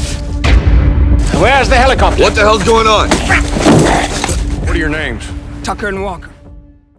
Yes, eh, det var traileren på Cliffhanger. Det handler om eh, Gabe eh, Walker. Han er en er- erfaren fjellklatrer. Eh, men etter en ulykke der eh, en venn faller i døden, eh, tar han pause fra klatringen. Så er det noen tvilsomme karer som skal overføre en koffert med penger mellom to fly i luften, og det går jo galt. Og koffertene faller ned på et lite tilgjengelig fjellområde. Eh, disse kriminelle karene som egentlig holder på med dette, de er kyniske og eh, dreper folk over en lav sko bare for å få tak i disse pengene. Og da eh, blir eh, Gabes kamerat Han blir tatt til fange. eh, For han jobber i sånn, eh, sånn her redningsfirma oppe i fjellet. Og ja, blir koblet inn der. Og så, så blir det jo da Gabe Walker sin rolle å redde denne kameraten igjen, da.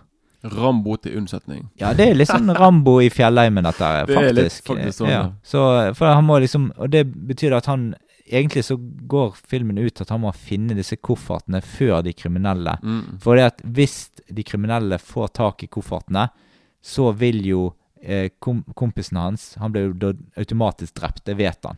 Ja, ja, selvfølgelig. Han Hvis de får pengene Ja, sine før han får kompisen, så blir de drept. Mm. Det vet han. Så det er jo egentlig det hele filmen går ut på. Det er sånn katt og mus-lek, egentlig. Sånn Ja, ja. Hvem kommer først frem til det? Eh, vi kan nå ta første gang eh, Hva er ditt første møte med Cliffhanger? Ok, dette kan faktisk ta ett minutt å si, faktisk. For det Jeg så filmen på Jeg vet ikke om du kan huske at TV3 en gang hadde et program som het Du velger filmen. Ja, det husker, Husker du jeg. det? Ja. ja. Det var en gang på midten av 90-tallet, Når jeg var liten gutt. Og det var et program jeg elsket. De viste det hver eneste helg. Det var sånn at Du skulle stemme frem en film som skulle vinne. Mm. Sånn at et sånt race Og det var det at Cliffhanger var liksom Sånn som Big Trouble in Little China. Det var der, det var der jeg så den på liksom Du velger filmen. Mm. Sånn, det var sånn her du, du, Det var hva, fire-fem filmer hver gang. Ja. Og du skulle stemme på den filmen du ville skulle vinne. Mm. Og så liksom den med flest stemmer, som på en måte var en sånn Mm. Det var sånne streker som skulle fra venstre siden av skjermen og til høyre. Og så, og så var det bare sånn Nei, Den streken som kommer først i mål, liksom. Ja. Og da var det på en måte du kunne være der med en gang de begynte. Så kunne du være der kunne du heie. Bare sånn Ja, nå, nå kommer den der Nå kommer Cliffhanger sin blå strek. Den leder. Mm. Og så plutselig så bare sånn Ja, og så kom plutselig Pretty Woman istedenfor forbi. Hvor lang tid var det man stemte over? Det, jeg tror at det var bare sånn du stemte, og så var det reklamepause oh, ja. i kanskje ti minutter. liksom. Men min teori på den tiden var til og med at jeg tror ikke noen at, Folk ringte selvfølgelig inn for å stemme, men jeg tror liksom at det var sikkert bare TV3 som bare De bare styrte alt, liksom. Ja. De bare fikk oss til å tro at det var vi som liksom stemte på filmene. da For det var litt sånn Det var litt for sånn bra regissert. Sånn det var en film som nesten vant, og så plutselig så bare kommer det en film og bare flyr forbi. Mm. Jeg bare Det går ikke an! Så, så det var sånn der eh, Mm. Til og med da han var ti år gammel, jeg bare Hm, dette var litt suspekt. Mm. Men eh, det var fall Det var i hvert fall der jeg ble introdusert til masse kule filmer. Og sånn Cliffhanger, Big Trouble in Little China og alt Mm. mulig liksom. Mm. da Så eh, det var Så det var der jeg så første gang eh, Så takk, TV3. Takk TV3, og du velget filmen. Ja. Det var uh, ja. Ja. Første gang jeg så denne filmen her, så eh, Det må være sånn tidvis på TV i løpet av uh, eh, Ja, et par ganger når jeg har sett den på TV. Uh, men, men første gang jeg så den i en helhet, faktisk det, for Jeg er litt sånn at jeg, jeg ser ikke så nøye på filmer jeg ser på TV, fordi at jeg vet at jeg kommer til å se de en annen gang. Ser du på TV når du ser filmen?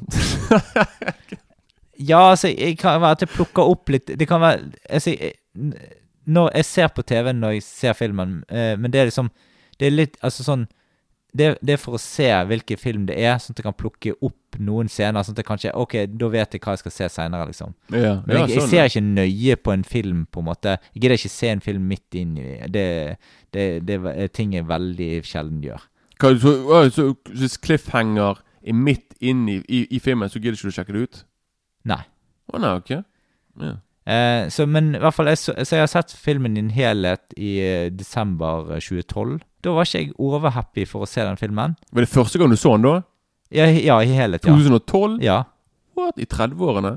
ja, ja. 20 år etter jeg så den? Ja, ja. ok. Så det var første gang jeg så den. Og det er jo Altså, det, det var jo veldig mye snakk om denne filmen, så jeg visste jo hva slags film det var. Jeg visste på en måte hva slags scener som var viktige i filmen, for de hadde jo jeg sett før. Og jeg hadde jo sett Ace Ventura 2, for eksempel, der eh, det parodieres eh, eh, denne scenen eh, med Jeg kan bare si det nå, liksom. Den, ja. Eller, eller etter når du er ferdig med det greiene der. Jo, bare si det nå, du. Ja, altså Denne scenen der han liksom Helt i begynnelsen, liksom når han skal den der eh, line Ja, line fra, Line- fra, fra fjell til, eh, til fly. Ja, til, til, Helikopter. Ja, helikopter. Ja. Fly, går Ja. ikke med fly. Nei. Og liksom når plutselig hun der eh, nye Jeg tror hun er på date med han der Michael Rooker, i hvert fall. Mm. Og hun plutselig bare Selvfølgelig, det, blir, det der utstyret hun har, er ikke bra. Det som, det som skal sikre henne. Så hun eh, det, det ender jo med selvfølgelig at Stallone må ut for å hjelpe henne. Liksom Mm. At han, han, han holder henne i hånden. Mm. Og det er bare sånn derre Ikke slipp henne! Ikke slipp henne! Mm. Og selvfølgelig så slipper hun henne, da. For det selv om Ja, ne, det er fordi hansken eh, går av. Han holder henne i hansken. Ja, det er mer det, for ja. jeg tenkte sånn at Stallone han er jo muskelmann, men Ja. selvfølgelig siden det er hanske og det Ja, for det, han holder igjen i hansken. Ja, jo, Sant? jo da. Ja, ja. Og den scenen parodierte de på, på Ace Ventura 2. Jeg tror det var året etterpå. Ja, men den vaskebjørnen. den vaskebjørnen. Det er helt fantastisk. Et, saken er Jeg vet faktisk ikke hva filmen så først. Jeg, tror- så, jeg så garantert eh, først, eh, først eh, Ace Ventura 2. ja, for jeg tror kanskje jeg så Ace Ventura 2 først, og så når jeg så Cliffhanger, jeg bare Det er den der scenen med den vaskebjørnen! jeg bare What?! Jeg bare Hva som skjer, liksom? Ja, ja. Det var skikkelig sånn der Ja, det så, er eh, skikkelig artig. Ja, så jeg, jeg assosierer de to filmene der jeg, Ja, med hverandre. For jeg Ja, bare sånn, ja, det er samme åpning, og Mm. Jim Carrey drev sånn der munketempel og Ja, der oppe, liksom. Men jeg husker jo faktisk at altså denne her scenen her Altså, denne scenen her er sånn film Altså, når jeg så den i eh, Øystein Tura 2 òg, så jeg syns det liksom jeg hadde husket scenen fra før av. For det, har, det er en utrolig kjent scene. Han var utrolig mye i media, og eh, det omtrent som var eh, Altså, han var på alle mulige sånne filmprogrammer, eller alt mulig sånn på NRK. Pål Bang-Hansen har helt sikkert Ja, ja. snakket om denne filmen. jeg, jeg, jeg kan bare si det her og nå. Vi, må, vi lager en episode en gang på én og to av Ace Ventura. Ja, ja. Det har vært jævla tidlig. Ja, jeg er helt jeg bare, jeg, jeg, plutselig så bare Jeg kom på mange Jeg, jeg ser for meg mange andre scener fra Ace Ventura Ja, som ja. jeg er nødt til å Ja, jeg, jeg er helt enig. Vi Vi, vi får ta det Altså, episode fire over nyttår kan vi ta om Ace Ventura. Ja, Nå må ikke det være for sånn eh, dato-klokkeslett, liksom. Nei, nei. Sånn ja, du Ja, vi, vi, men vi, vi kan love det i, nest, i vårsesongen med Eller vi- vinter-vårsesongen med Ace Ventura. Da blir det Ace Ventura Mm. double bill. Ja. Men i hvert fall det Ja, vi, skulle ha regi, foto og skuespillere nå. Ja, jeg skriver foto nå. Ja, okay. han er ikke noe han, er, han er ikke så Hvem har regissert filmen, Kenneth? Det er jo han er fra Finland. Renny Harlin. Mm. Som har eh, Vi har snakket om hans, en av hans filmer her før. Deep Blue Sea. Mm. Det, er en, det er en regissør jeg er veldig fan av. Han laget en, en kul liten eh, Han laget den fjerde filmen i Nightmare on End Street-serien. Mm. Han har laget Die Hard 2, som er digg. Ja, det liker den. så, ja, sant? Så Mm. etterpå så var det Cliffhanger, og så var det Skip Trace. Ja. Nei, ikke, nei det var helt, helt på slutten. Men i hvert fall Så, så laget han jo ja, for den har jeg snakket om før, den Skip Trace. Altså, oh. Ja, ja, oh, kjempefilm, liksom. Johnny Knoxville og Jake Chan. Yeah, yeah. Ja. Nei, men så, så laget han jo eh, den der godeste The Long Kiss Goodnight. Ja, den er kul. digger. Ja. Elsker den filmen med Mm. Samuel Jackson og Gina Davis. Mm. Og hele pakken der. Og sant, også Deep Blue Sea. Han har laget, han laget, han laget veldig mye bra på 90-tallet, syns jeg. liksom Mm. Veldig undervurdert regissør. Og han eh, Som sagt, nå lager han mer sånn filmer som sånn rett på DVD, da, og som Mm. ikke går på kino. da Mm. Men eh, Så i hvert fall, jeg, jeg, jeg, ja, jeg liker han, jeg. Jeg tror han er liksom Ja. Mm. Men eh, ja, altså, du kan ta skuespillerne. Jeg er så dårlig på diksjon, så du kan ta det. ja her har vi da Sylvester Stallone. Sier det bra nok? Uh, still alone. Still Alone. Eller Sylvester, sånn som han sier det på sånn der Yeah, I'm from the Bronx. Sly. Sly. Sly, Sly kan vi si. Ja. Så har vi selvfølgelig John Lithgow. Mm. Som egentlig, når jeg så filmen Jeg var egentlig jeg, Når jeg så filmen, så jeg bare Jeg var vant til å se han i Third Rock from the Sun. Mm, jeg er enig. Jeg bare Hvorfor er han Han er veldig slem i denne filmen, liksom. Uh, han spiller jo også Trinity Killer i Dexter. yeah, yeah. Faktisk. Ja, ja. Det er jo sjelden at du ser TV, ikke det? da? Jo, jo, jo, men det er akkurat den jeg har sett. Alle sesongene. Åtte sesonger. Ja, så, men, ja. men altså, han er, det som er med John Lithgow der, han, han prøver faktisk på en britisk aksent. Mm. Sett det? Noen ganger han bare sånn Yes, yes, very good.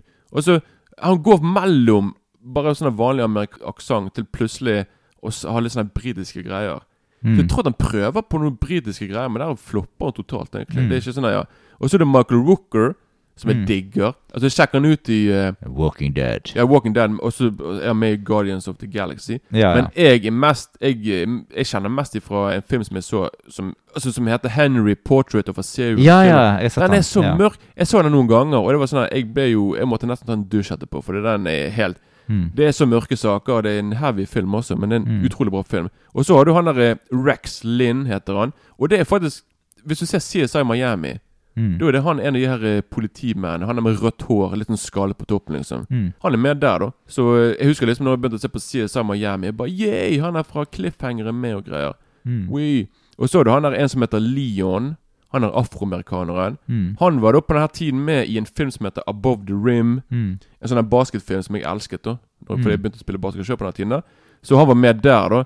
Og greier. Og så hadde hun der som spiller eh, Hun som spiller eh, hoved... Hun damen, da, som, eh, Mm. som heter uh, Janine Turner. Mm. Hun har spilt i den der En veldig kul serie da fra 90-tallet også, som heter Northern Exposure. Jeg Fra. Canada. Ja. Veldig kul serie, da. Men så, så du har liksom Ja. Og så er det han der som spiller i uh, MacGyver. Han er kompisen til MacGyver. Hva heter han igjen? Ja, han, han spilte Jack Dalton. MacGyver. Han, Ja, ja. han er kompisen til Ja, Mac-en. Mm. Han som er, jeg tror han er pilot eller et eller annet drit. Mm. Men i hvert fall så det, Han er mest kjent for, for den rollen der, da, egentlig. Mm. da Så jeg tror det er den nyeste MacGyver òg, da. Mm. Men ja. Så det er liksom Og så har du eh, Jeg tror, jeg tror det er egentlig Ja, du har veldig mange sånne kjente Når jeg så jeg, Det var veldig mange sånne kjente fjes fra TV, da.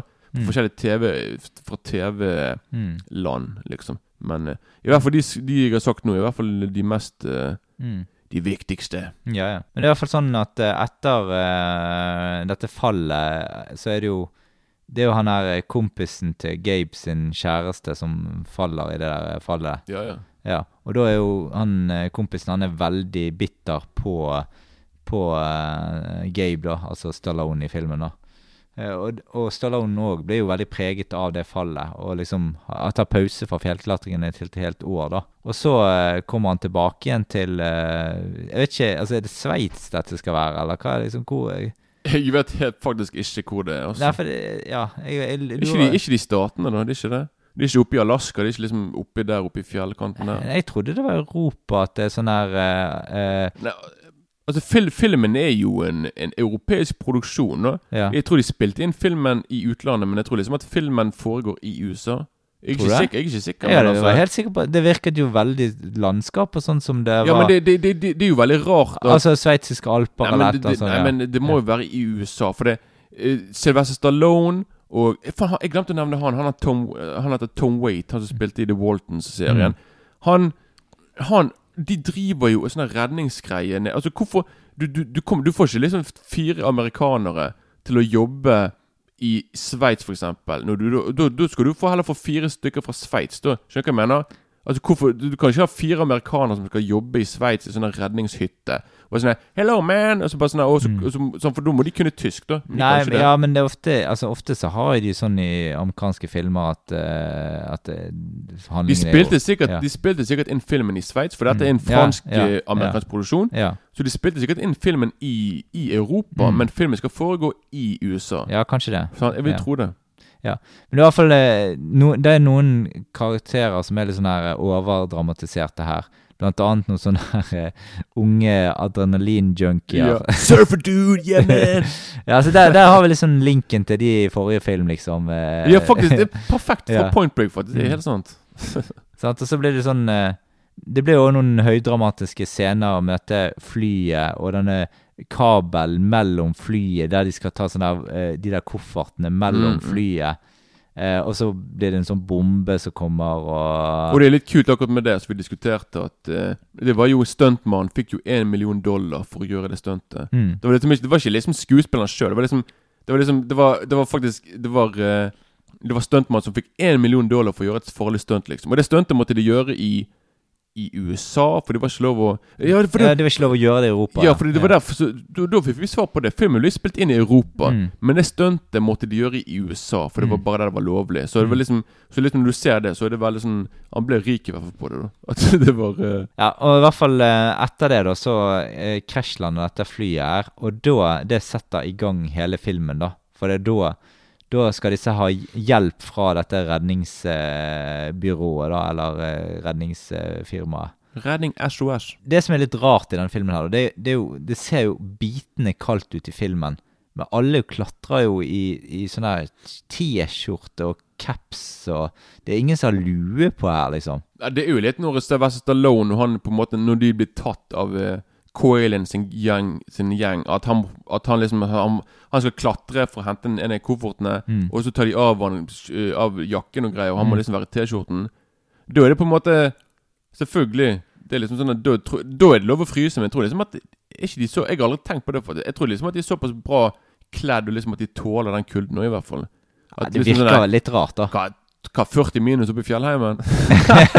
er det så kaldt, da? Jo, men det, det, det må jo blåse litt der. Ja, men du, vet du hva? Det er forskjellen nå. Jeg ser med en gang Når jeg ser på film, jeg tenker ikke på sånt. Dette. Nei. Du må ikke, sånne, du må ikke sånne, tenke på sånn realisme. Sånne, Neida. det skal ikke være menneskelig Men det mulig. ser kult ut, det skal jeg være enig i. Det ser kult ut, Ja, selvfølgelig. ja, sant? ja. Selvfølgelig. Det ikke, Men det er utrolig mange luftige scener i filmen. Og jeg har, altså jeg, jeg må alle ærlig innrømme, jeg har faktisk litt høydeskrekk, da. Og eh, jeg, jeg, det er flere steder i filmen sånn, og tenker sånn Oh, shit, hvis jeg hadde vært der, så hadde det vært helt eh, det er tidlig du sier det, for det Sylvester Stallone sjøl hadde jo høydeskrekk. Det var Mm. derfor han, ville lage filmen fordi han ville, han ville bli kvitt høydeskrekken sin. Ja. Om han klarte det, vet jeg ikke. Nei. Men uh, ja. Jeg, jeg, jeg, tror jeg har høydeskrekk til en viss grad. Hvis jeg er liksom Mm. en mil opp i luften, så har jeg sikkert litt høydeskrekk. liksom Men jeg vil gjerne snakke litt om filmmusikken her, for jeg, synes, jeg likte faktisk den ganske greit. Jeg syns den er helt fantastisk. Ja. altså også. Selve denne melodien Men- i begynnelsen og sånt. Ja, der, men liksom. og nå, skal du si én filmmusikk som dette ligner på. Hva vil du si da? Det, det er veldig karakteristisk film det ligner på. Ok. Jeg, jeg kan si deg. Ja. Det, det ligner Hvis du tar vekk jungelthemen fra Predator-filmen, så er det nesten helt Det minner en ekstremt mye. Oh, ja, ok. Ja. Det, det, det, må, du se om igjen filmen, og så ser, tenker du på Predator. Så, så Jeg du kan jo Predator inn og ut. Men Ja, jeg vet det. godt, uh, Ja. men, men musikken i Predator er mye mer sånn der, digga. Litt mer sånn der maskulin. Her er Jo, men i mer de, sånn der er, i de dramatiske scenene i, i, eh, i, um, i. Predator Ja. og, og i Cliffhanger, så er det litt samme type musikk. Jeg vet ikke om det er samme, samme mannen. Det vet jeg, jeg har ikke peiling på. Men det hadde vært litt artig om det var det, for det, det minner ganske mye. Nei, det, det, altså det, det er garantert ikke det. Jeg vet eh, altså, altså, han eh, kompositøren her heter jo Det er ikke litt han, altså. Han her heter Nei. jo Han i Cliffhanger heter Trevor Jones. Mm. Han her som laget i Predator, heter Alan Silvestri. Mm. Og han har laget musikk fra, altså fra Avengers Endgame Mm. til, til Forest Gump og Ja, sånne der, liksom. ja. Han er liksom Han er mer der, da. Så det er ikke samme Nei, men, Det er ikke helt samme. men han som har lagt i, uh, i Cliffhanger, da? Hva har han laget noe annet? Trevor Jones, ja. Han, Kan, men det kan være at han er en copycat. han er copycat. Ja. han, han har jo laget musikken til uh, Til uh, Notting Hill. ja, men det er jo, det er jo en kul film, altså. Ja, ja, altså det er en kjent film. Så, Den ja. siste mohikaner. ja, det er jo bra. Pål, Mm. Han laget musikken til Dark City. Uh! Jeg kødder ikke! Jeg kødder ikke! Det er jo faen er faen meg en av favorittene dine. Ja, ja, Han har laget musikken til Dark City. Mm. Hva er det da? Ja, ja. Ikke rart du likte musikken her. ja, ja. jeg hørte litt Dark Shit i Ja, det var det, var, jeg hørte det var noen elementer med den der Glem det med. Predator. Det var Dark Shit. Ja, det var. Dark City du egentlig mente. Det, det minnet ikke om det. Ja, det gjorde det absolutt ikke.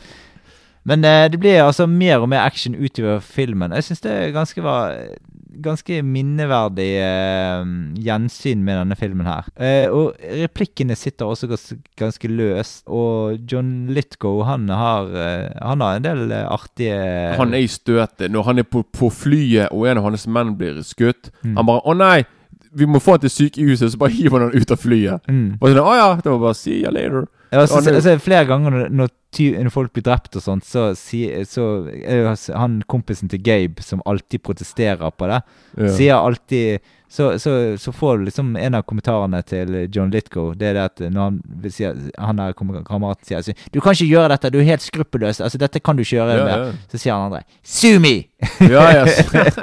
ja, men han, er, altså, han skal være litt iskald. ja, ja, han er jo det. Det er jo sånn der på, på, når, Du vet når, det- når, det, når det nærmer seg slutten, når det helikopteret kommer, og han liksom Han dreper hun der damen på laget. Mm. Det han gjør, liksom Han, han skyter henne for å vise liksom at han ikke bryr seg om noen, egentlig. Mm. Og så hun faller ned på bakken, han bruker henne som et trappetrinn til å komme seg opp på helikopteret. Ja. Det er bare helt vanvittig. Han, yeah. er, bare, han er så iskald. Han, han, han er null ja, sympati for, for han er sånn, Det er kun han som Men han, eh. John Lithgow har spilt eh, ganske mye bad guys på film, har ikke det? Jeg, jeg, som sagt, jeg er jo De Palma-fan så det holder. Så jeg har Mm. sett han i Blowout. Der spiller Mm. han bad guy.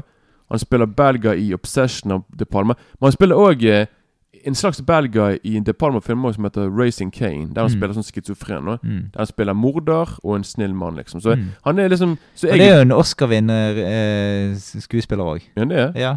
Å ja, ok. Mm. Kan vinne Oscar, da. Eh, det, det kan, jeg tror jeg er ganske sikker på det. For har blitt Oscar-nominert en del ganger. Faktisk blitt eh, til det godeste den derre The World According to Garp. Oh, ja. Og uh, Terms of Endearment. Har han vunnet begge de to? Nei, Han var bare nominert, men okay. det var liksom året etter. Ja. Det var liksom to nominasjoner på to år. da Ja, ja. Jeg visste ikke det, altså. Nei, nei. Jeg, eh, Nei, for han er veldig dyktig skuespiller, da. han er veldig bra. Ja, han er veldig Mm. bra. Jeg tror han spiller faktisk Winston Churchill i The Crown. Ja. Men mannen er jo tre meter høy, så jeg vet ikke hvordan jeg skal spille en liten overvektig brite, liksom. Ja. Sånn en liten knøttliten fyr, liksom. Ja, jeg har faktisk sett eh, i hvert fall, i hvert fall første sesong der. Ja, ok. Ja. Men uh, tilbake til Cliffhanger. Uh, fotoet her syns jeg er ganske fett. eh. Det er liksom Landskapet blir brukt eh, til å selge inn action på en utrolig spektakulær måte. Du får masse sånn her eh, du får, De bruker høyden veldig mye i filmen. Jo, jeg, jeg, jeg syns at eh, de virkelig klarer å Som du sier, du føler på en måte at du er oppe i, Mm. oppe i fjellet der. Altså, Mm. De selger det veldig bra. Veldig bra fotostudio, sier hele pakken her. Så det er veldig Det ser ikke ut som at de er på et studio, for å si det sånn. Nei, nei, på ingen du, du, du kan liksom se liksom at de har vært i tenkt sånn at vi skal få en realistisk eh, så- skildring her. Så blir det litt overdramatisering til noen ganger, da. Du får annet den her scenen når de kommer inn i fjellet med alle disse flaggermusene som kommer ut. Du, de blander inn disse ulvene og litt sånn Det blir litt sånn overdramatisering, men det er litt kult òg, på en måte. For det er, det er sånn 90-tallet. der Det skal det være litt eh, Og du ser fremdeles i dag, de drar det veldig langt i å over, eh, overdramatisere actionfilmer. Men altså Det med flaggermusgreiene altså, det, Jeg, jeg synes bare Det jeg liker med hele filmen, liksom at det er bare egentlig en stor B-film på, Ja, på et stort budsjett. Det er Ja. sånne, der- sånn du har liksom sånne, Det er stor forskjell mellom liksom, Du har liksom Point Break, det er mer sånn realistisk action-drama-thriller. Dette her er sånn underholdende, til tider litt sånn dum. For han er av og Ja, til for manuset er ikke det egentlig det beste. Og faktisk Stallone har vært med og skrevet det sjøl. ikke for å disse han, men, liksom, jeg tror, men jeg tror liksom på en måte han bare på en måte ville bare lage en, en artig B-film. da så han, Mm. Som selvfølgelig kan ha litt sånn scener og ting som er litt sånn eh, Litt cheesy, da, men eh, det er sikkert derfor jeg digget det når jeg så det. For det er bare sånn Det er så overdrevet, det er så kult, Mm. liksom. Så, Mm. ja. Og på slutten så blir det liksom veldig mye sånn her eh, Hvem lurer hvem? eh, og, og spesielt når skurkene begynner å gå mot seg sjøl igjen. Mm, ja, ja. Da, da, da begynner du å merke at eh, ok, dette eh, kommer ikke til å gå bra. Nei, det er ikke sånn halleluja-stemning der, liksom. Hva syns du om slutten i filmen, da? Slutten med hele he helikopter og greiene der, altså. Mm. Jeg, altså, hva, altså, hva skal jeg si? Jeg digger jo filmen, liksom, så jeg har yeah. bare bra ting å si. Jeg, eh, Mm. jeg syns det er kjempekult. Det er liksom sånn der Ja, mann mot maskin, liksom. Det er bare skikkelig Støv- Sylvester Stallone mot et helikopter og sånne ting. Så da jeg, eh, øyner jeg et høyt terningkast hos deg. jeg er på en knallfemmer, liksom. En del, delvis på grunn av eh, Hadde jeg sett filmen nå, Mm. jeg tror jeg hadde likt han sikkert like godt. Altså. Jeg, som sagt, jeg elsker B-filmer, så dette er liksom up my Jeg har gått opp eh, faktisk en karakter siden sist. Da tipper jeg på at du er på en firer. Det er riktig, men Ja. fire pluss. Kommer minus to-fem. Jeg, er i ja. hvert fall, jeg er på en eh, knallfemmer, jeg. Ja, som, eh, ja, ja, men det for- kan jeg skjønne. mm. Eh, For det, det, det er en veldig underholdende film. Ja, altså, jeg, Hvis du ser cliffhanger og du ikke kan bli underholdt, da syns jeg du kan bare Ja, men altså, jeg, jeg, jeg, tror jeg Første gang jeg så han, Så jeg leste anmeldelsen min rett før jeg skulle se filmen. Og jeg, jeg ser det at jeg har sutret mye over eh, manusarbeid og eh, Ja, men du kan ikke sånne filmer kan du Og det er litt for typiske skurker. Ja, ja, ja. Jeg, jeg, blitt, altså, jeg tror jeg har sett litt for mye eh, Sånn på en måte litt mer realistiske filmer, actionfilmer, i den perioden der Ja. jeg så den. Du så det med litt feile briller, liksom. Ja, jeg så det med mine egne briller. Med dine egne briller. Og det var ikke riktig. Nei, det var ikke lurt. Ja, men det ble at det du- litt for grått og trist. Ja, ja, sa han bare. hva. Ja, men det er bra da at du liksom har litt mer eh, sansen for noe, det, i hvert fall. Ja. Men da skal vi over på eh, rosin i pølsa. Eh, vi skal over til Rosin i steinen. ja da. Vi skal Vi, vi skal over til eh, mannen eh, med den eh, Nei, vi skal ikke over til mannen. For The Rock er ikke med i The Rock. Nei, nei. Sånn som selvfølgelig- kanskje mange tror. Ja, jeg tenkte jo på The Ja. Rock i The Rock, ja. Ja. Nei, eh, men i hvert fall, vi hører traileren på The Rock fra 1996. Secrets have a way of coming back to haunt you. There's a hostage situation on Alcatraz.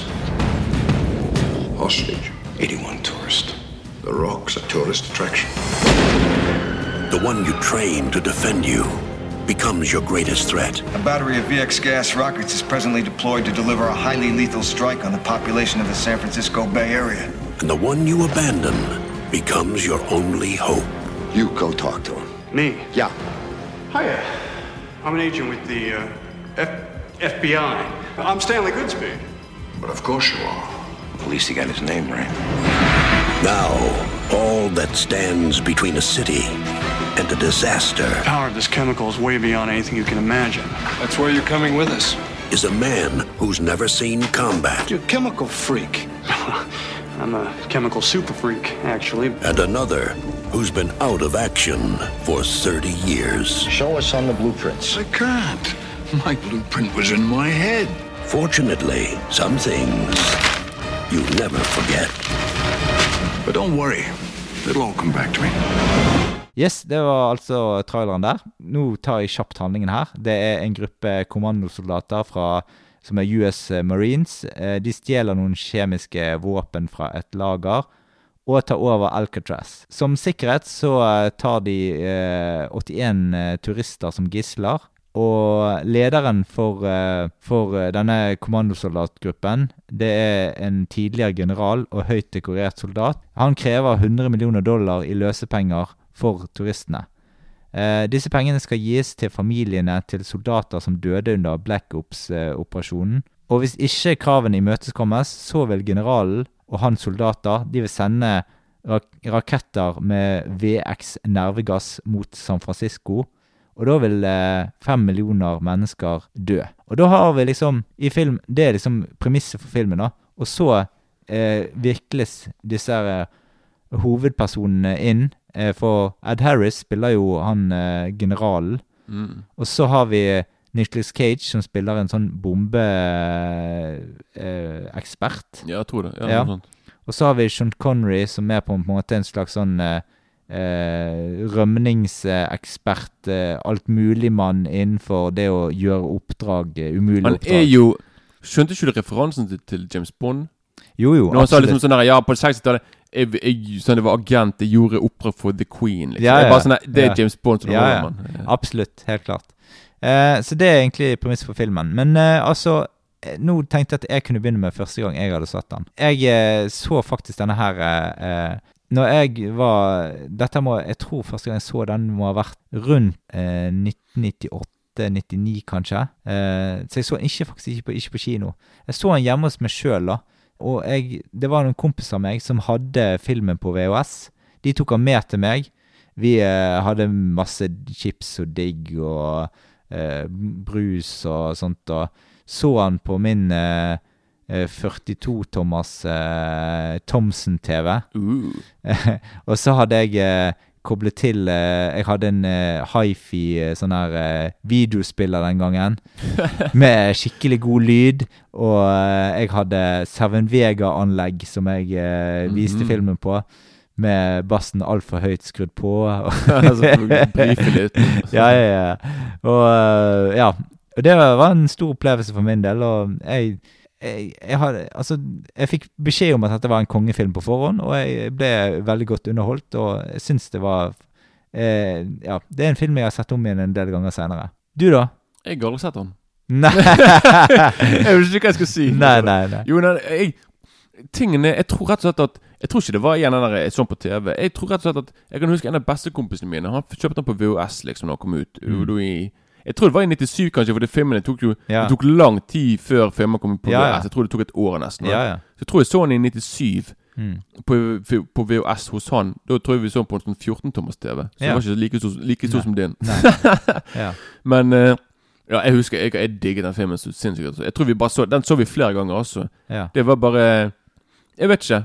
Alt bare stemmer med den filmen, liksom. Det er en Mm. perfekt actionfilm. Så jeg Ja, det er bare det. Jeg Ja, jeg eh, loved it. Mm. Eh, da eh, kan vi ta litt om eh, regissøren her. For det er altså godeste eh, Michael Bay. Ja. Mannen bak, Transformers-filmene. AKA Mr. Blow Shit Up. Ja. Han er veldig glad i å sprenge ting, liksom. Mm, absolutt. Det, det merker du spesielt i Bad Boys, som er Ja. Hva er det med deg og Bad Boys? Ikke, det, er ikke spesielt, det er spesielt i Armageddon det tar av med eksplosjoner, liksom. Jo jo, men der er masse eksplosjoner i Bad Boys òg. Ikke så mye. Litt her og litt der. Ja. Men i hvert fall uh, Han trenger ikke noe videre introduksjon, egentlig. Det eneste vi kan si, liksom at Ja. dette var på, på en måte andre filmen han laget. Mm. Etter Bad Boys. Mm. Det var før Armageddon. Dette på en måte føler jeg liksom er hans tre beste filmer. Sant? Mm. Som uh, det var, den, det var på den tiden han laget bra filmer, liksom. Nå er det på en Mm. måte Nå, nå, det var liksom, nå er mer sånn filmene hans har ikke så veldig mye med karakterer lenger. Det er mer sånn der, eh, Vi skal sprenge ting opp, action, bla, bla, bla. Det er Liksom Mm. Karakterer på en måte kommer i bakgrunnen. Men med The Rock Ja, Da det- stemmer alt, liksom. Ja da, det er jeg helt enig i. Det er en eh, særdeles god actionfilm. Mm -mm. Så det er liksom, dette er jo Til og med Michael Bay sier at dette er hans beste film. Av, Mm. han, det er hans egen favoritt av sine egne. Og det er liksom er det så vanskelig, liksom. Jeg tror liksom ikke at det var sånn Transformers 4, liksom. Ja. Eh, vi kan godt ta litt om skuespillerne her òg. Vi har jo nevnt eh, allerede Sean Connery. Og, Sean Connery. Ja, Sean Connery. Yes, du må snakke sånn som her. Mm, ja. Og eh, Nicholas Cage Mhm. og eh, Ed Harris har vi nevnt. Så kan eh, du eh, ta de andre kjente her. Ja, du har òg David Morse. Han Mm. der er svære duden som egentlig Det er sånn fjes du sånn, Han er jo med i alt mulig. Det er sånn det er sånn fjes du Du vet Du har sett ham mange ganger, men du liksom du, du vet ikke hva han heter, liksom. Jeg vet hva han heter, selvfølgelig, Mm. men det er sånn Ja. Og så er det William Forsythe, som Mm. er liksom ty samme typisk, han òg. Mm. Vært med i Once Upon a Time in America, The Devil's Reject og sånn. Mm. Og ha, så har du en, en mann ved navn Michael Bean. Mm. Som vi kjenner spiller fra i Aliens. Aliens, Terminator Uno, Mm, mm. The Abyss. Mm. Det var liksom Så han hadde på en måte storhetstiden sin på 80-tallet. Mm. Det er litt sånn at det er kult å se han her òg, men det er litt synd at på en måte At det var liksom allerede da i 96, og på en måte Da var ikke han liksom Han var liksom ikke Det var ikke sånn større rolle for han enn det, da. Mm. Jeg skulle liksom ønsket liksom Og det, jeg leste Det var et det var ganske nylig, nå for en måned siden, så leste jeg et intervju med han, og han har egentlig ikke gitt seg med skuespill, men han har liksom tatt det litt med ro. Da, for det liksom Jeg Mm. tror han venter ennå på den store rollen. Da. Mm. Så han er jo sånn 60 nå, tror jeg. Så liksom, jeg håper at han får den snart, for han er en kjempebra skuespiller. Mm. Karismatisk fyr. Så jeg håper liksom at han virkelig får At han liksom kan få en hovedrolle for en gangs skyld. Liksom. For han Ja. pleier alltid å være sånn der, Han er på siden, liksom. Sånn Mm. der, Eksperten på det og det og det, liksom. Så, Mm. det. Og så har vi selvfølgelig John C. McKinley, som jeg Mm. nevnte fra, fra Point Break-filmen, liksom. Han er med her òg. Og så er det med deg Og så er det, med, og så er det Tony Todd. Ja, ja. ja. Fra, hva film er han med i? En grøssefilm? Eh, Event Horizon. Ikke, nei, nei, vent litt. Du, ikke, du, du må ikke si navnet hans fem ganger. Don't say his name. Uh, jeg husker ikke. Candyman. Jeg har ikke sett han. Har du ikke sett Candyman? Nei, nei. Han er, han er Candyman i Candyman. nå. Ja. Svære fyren. Han er så inn i helsikens intens i denne filmen her. Mm. Det er helt vanvittig, altså. Han er helt rå. Altså, han er helt altså, han er jo Han er en skummel fyr, altså. Mm. Og så har du en som heter Bokeem Woodison. Han, eh, en, han var med i mange sånne litt sånne tøffe sånne gangsterfilmer på 90-tallet. Han er jeg fan av. Og så har du på en måte Det er liksom Det er liksom mer de kjente, da. Mm. Men filmen er liksom Filmen er liksom krydret med veldig mye bra talent. da Så ja. Er det noe spesielt eh, gode folk på fotoarbeid her, eller? Er det På fotoarbeid så har du en som heter John Schwartzman. Mm. Og han, han, og, han har filmet sånn som Pearl Harbor og Armageddon. Så han er, sånn, han er kanskje mer sånn yeah. Michael Bay sin faste fotograf, da kanskje. Mm. Michael Bay sin Wonderboy. Wonderboy, ja. Mm. Så det er liksom mer der. da Han er kanskje Mm. Jeg tror han er, han er mer sånn Han er sånn fot fotograf da for litt sånn store sånn budsjett Filmer med stor, stort budsjett. da Mm. Så eh, Men han er jo bra. altså Mm. The Rock ser jo bra ut. da. Ja, absolutt, den ser bra ut. Og så er han selvfølgelig produsert av Jared Bruckheimer Mm. og Don Simpson. Mm. Og det blir siste filmen til Don Simpson fordi han gikk bort broren til O.J. Simpson? Nei. Må du gi deg nå. Ha respekt for de som ikke er her lenger. Men i hvert fall, han, han var jo den Han var en produsent som var veldig glad i damer, narkotika og våpen. Ja. Og han ble ikke gammel heller, for han var litt for glad i, eh, Mm. i drugs. da Mm. Men Joe Brookhammer er en legende innenfor produsenter. da Fra alt fra Pirates-filmer til Flashdance Mm. til mange av de her Khan Air-filmene, Mm. Armageddon, Transformers. Han har liksom produsert veldig mye bra. da Mm. Han er en legendarisk produsent og er veldig Top Gun òg. Altså, han er yeah. veldig, veldig mye bra, da. Så Mm. ja. Men eh, ja, vi, da kan vi begynne litt på filmen. Det er altså Det er Ed Harris som åpner filmen i en følelsesladet scene der han tar farvel med en krigskamerat. da. Eh, og da lurer du kanskje Da lurer du kanskje på om han kommer til å bli filmens good guy, for det er jo det han pleier å være i alle filmer. Sant? Det, eh, ja, han pleier å være den stødige, eh, stødige fyren man skal heie på. Og han, han er jo på en måte Han er jo på en måte en likende kar her òg, men eh, han drar det jo kanskje litt langt, da. Han er en antihelt, kan du nesten Ja, si. Han er ja. litt sånn eh, Han prøver Altså, det virker jo så i hele filmen at han på en måte Han har en agenda med det han skal gjøre, og det er for Han skal gjøre det av en god grunn, liksom. Det er en god grunn, Ja. og han er jo liksom en, en helt innenfor. Han har jo liksom fått alle medaljer du kan få, Mm. men allikevel så er liksom Han er såpass Og han gjør ikke det for seg sjøl, han Nei, gjør det nei, egentlig nei. for andre. Han gjør det for sine Ja. 80 et eller annet 80 kamerater, og sine soldater som har dødd i kamp, liksom. Han Mm. føler at de fortjener å få De skal liksom få betalt for det de har gjort, de har ofret sine liv. Mm. Men han mener liksom at Og de har egentlig ikke fått det, den respekten de fortjener. Så han på en måte føler liksom at han han, må, bare, han kan bare gjøre én ting nå, liksom. Og det er Mm. liksom å gjøre en, en ekstrem ting for å få en reaksjon som han vil ha, men ikke får. Ja. Så, Så da må du gå til, til drastiske Drastiske ting, og så må du liksom true med å drepe millioner av folk, liksom. Men det, så- det gjøre, sant. Så, Ja. så han gjør det egentlig for en god grunn, nå, Mm. sant. Så, ja. Og i denne åpningsscenen og rett etterpå og sånt, så åpenbarer det seg enormt eh, musikalsk eh, opplegg. Det er en ganske bra theme-musikk til, eh, til filmen. Som er en eh, blanding mellom den man finner i Predatoren og, og eh, Pirates of the Caribbean, som minner veldig om begge to. Jo da, det er veldig Og det er godeste Hans Zimmer! Ja. Mm. Det, Han, eh, han en eh, filmmusikkmaker eh, musikkmaker som har kanskje begynt med litt sånn type veldig sånn her eh, klassiske filmer, og har blitt litt mer sånn Han har vært han har, I begynnelsen har han gjort mye av det samme. Eh, før han har egentlig utviklet seg nå de siste årene, altså kanskje ti årene, egentlig.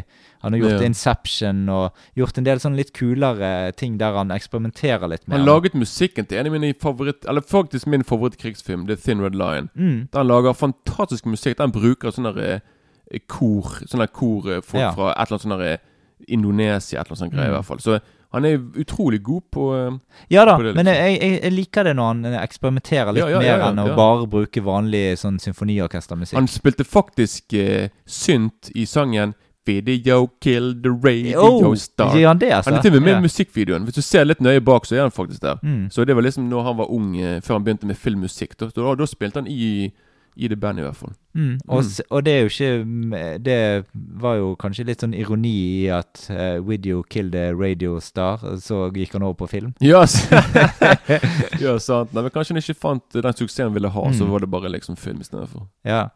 Men uh, i hvert fall alt Det jeg liker med denne filmen her, det, er det at det er veldig rett frem. Det er veldig håndfast. Mm. Uh, du møter hardbarkede karer. Det er actionklisjeer, eh, en god del av de. Eh, men når filmfolkene blander alt, eh, de gode klisjeene, og setter sammen på en så underholdende måte som du får her, så er egentlig alt tilgitt der. Eh, og det er flust med gode, kule replikker. De ble levert av eh, hardbarkede karer, og Sean Connery er jo en, en replikkmaskin i den der Han er helt Altså, han er en mester på å leve altså, altså, Det er sånn dialog som en annen person kanskje ikke ville sagt det like bra, liksom. Han, sier det med et visst glimt i øyet, og bare måten han Ja, og han har så på. karisma. Og i, i begynnelsen, ja. det, når han har dette lange håret, Ja, alt, ja, han ja, ser ja, ja. så kul ut. Ja, når han går ned der i den der gangen der og bare Mm. Og det er veldig Og faktisk, hans karakter minner meg til tider om uh, Liksom, Eller kanskje liksom det forholdet han har til Nicholas Cage, minner meg litt om forholdet mellom eh, Indiana Jones og faren hans i Mm. The Last Crusade. Ja, det liksom. gjør det, absolutt. Der, for det der er jo Sean Connery litt sånn der eh, Han har noen sånne kjappe replikker, og han er bare Mm. Han er veldig Jeg vet ikke, han er veldig han har alltid vært litt sånn der Han, han, har, han har bra med sjarm, liksom. Altså, han, Mm. bruker, han på en måte Han kan liksom Det Men han funker, er, han er liksom. litt mer uh, action-oppegående her i uh, Jo da, jo da. Mannen var jo nærmest seg 70 her, faktisk, Mm. når Ja, ja. spilte filmen her. Og allikevel så han er jo med på litt ting nå, så Mm. veldig Men også liker jeg at spesialeffektene her, de er av den gamle skolen. Mm. Og det er liksom håndfaste effekter. Det du ser, det er faktisk det du får. Ja. Og, og, og eh, disse her eksplosjonene her, de er så kule. Altså, det er så bra laget. Mm. Det er liksom, det er laget på ordentlig, og du, bilkjøringsaction og alt sånn. Det, er- det er skikkelig bra laget. Ser ut som at de var i San, i San Francisco og gjorde det der. liksom Ja, ja, jeg ser jo det at, eh, eh, Med den trikken og Ja, hele pakken der, liksom. Sant? Mm. At skikkelig Ja, det er som du sier, litt mer sånn eh, Det er bare sånn skikkelig action laget med, med Ikke på en PC-skjerm, men liksom laget med Ja, det, det er laget liksom, årene før de lagde alle disse datagreiene. Ja, det var, det, det var kanskje bare noen år før de begynte Ja. med det. Der det var plutselig mye billigere og bare sånn Nei, vi lager heller på PC. Ja, for istedenfor, denne liksom. filmen der har sikkert vært ganske dyr å lage, vil jeg tro. Ja, Hvis, den- ja. denne filmen hadde vært laget i dag, da hadde de garantert brukt eh, masse Ja, ja. Jeg vet ikke hva de hadde gjort. Ja. Men det første vi ser av Nicolas Cage i filmen, det er en sånn overentusiast eh, Entusiastisk versjon av uh, han der han pakker uh, opp en uh, pakke der han har fått en sjelden Beatles-plate som han har betalt 600 dollar for. Ja, han er- elsker vinylen sin. ja, ja. Um, og like etter så ser vi jo Nixus Cage i et glassbur der han skal detonere en bombe med etsende giftig gass rundt seg. Og det, eh, det Der ser du på en måte hvilken type han er, at han jobber bra under stress, da. Jo da. Og det er jo der den rep altså, replikken kommer jo eh, Den som jeg eh, nevnte i, i begynnelsen, at eh, jeg elsker press. Jeg spiser eh, det til frokost. eller oh, ja. ja, ja. Det, det kommer Det er rundt omkring der, eh, i det området der. Ok, det, det er nok derfor de velger han nå til å Mm. Til The Rock, liksom. At de vet at han ja. Ja, ja. Så har du jo eh, Det er liksom introduksjon av karakteren i begynnelsen. Vi har snakket om, litt om introduksjonen til John Connery. Eh, Nicholas, eh, Nicholas Cage han blir eh, eh, presentert som en tøff fyr på jobb. Eh, når han kommer hjem, så er han Så har han en gravid kjæreste, men han er litt sånn at Han er litt Han er ikke helt Det virker ikke som han er helt klar for barn, da. Han sier før Han bare sånn Å nei, jo De som, de, de, som, de, de som ønsker å bringe barn til denne verden, er egoistiske. Og Mm. så hun bare 'Jeg er gravid!' Ja. Han bare øh, Ja. Å ja, faen, liksom.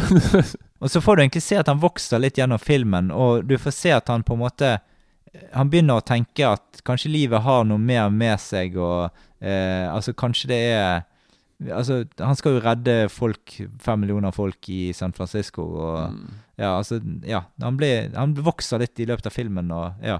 ble, han, blir, han vokser opp, rett og slett. Han blir en voksen gutt. Ja, ja voksen mann. Ja. Ja, er sant. Dette er ganske typisk eh, Michael Bay på masse områder. Men Mm. det er Men jeg òg vil si det at dette er egentlig et godt hakk opp fra Armageddon, og, Ja, som vi ja. snakket om i uh, tidligere episode. Mm. Uh, og ting fungerer her skikkelig. Også, det er fremdeles disse her close-up action scenene en god del, men eh, jeg syns han greier å variere det litt mer. Det er ikke Ha- så overdrevet her, Nei, liksom. Det, nei. det, altså, det er litt Altså Selvfølgelig en del av de bilkjøringsscenene og sånt er litt overdrevet, men det, det er det. Og så syns jeg resten fungerer veldig, veldig veldig bra.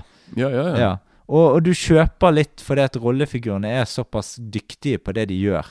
Altså, ja, selve altså historikken deres bak og sånt. eh. Ja, ja, ja. For eksempel Sean Connery når han er inne i, i uh, Alcatraz der og skal ha memorisert den der uh, flammegreien, uh, intervallene Mm, på disse flammene og Ja, det, det er stilig. Jeg, jeg kjøper det jeg får, altså. Ja, altså, det, det er jeg helt enig i. Altså, så får du, du får litt sånn rare scener innimellom òg, da. Sånn, eh, den elskovsscenen til uh, Nicholas Cage og kjæresten med musefletter som elsker til The Rocketman fra Elton John.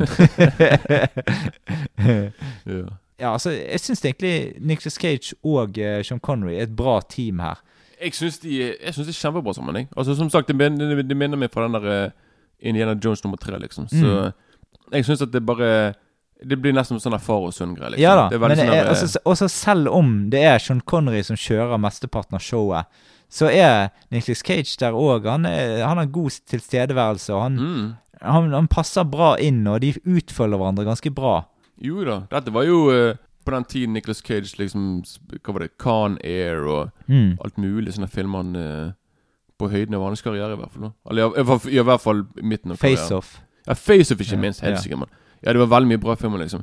Så uh, han er bare her i, uh, i støtet, i hvert fall. Han, Mm. han er veldig Nicholas Cage-aktig, da. Man er ikke så overdrevet, da. Men i hvert fall eh, Så ja, så, som du sier det, det, Jeg syns at han og Connery er helt perfekt sammen, jeg Mm. også. Det er veldig uh, Ja. Og det, det, blir litt sånn, det blir litt sånn artig òg, for Sean Connery sin, eh, sin karakter er jo en sånn rømningsekspert. da. Mm. Eh, og han, eh, selvfølgelig hver gang de får tak i han og skal hyre han inn på oppdraget, så stikker jo han av i en hummer der. Og, yeah. og de, får svære problemer med å ta igjen eh, han. Og så, men så plutselig så, eh, så er jo han eh, skarp i hodet, Nicolas Cage, og finner ut at han mest sannsynlig kommer til å oppsøke sin datter, som ja, som, Mm. eh, ja, som vi finner ut at han så faktisk gjorde, og da tar de han igjen.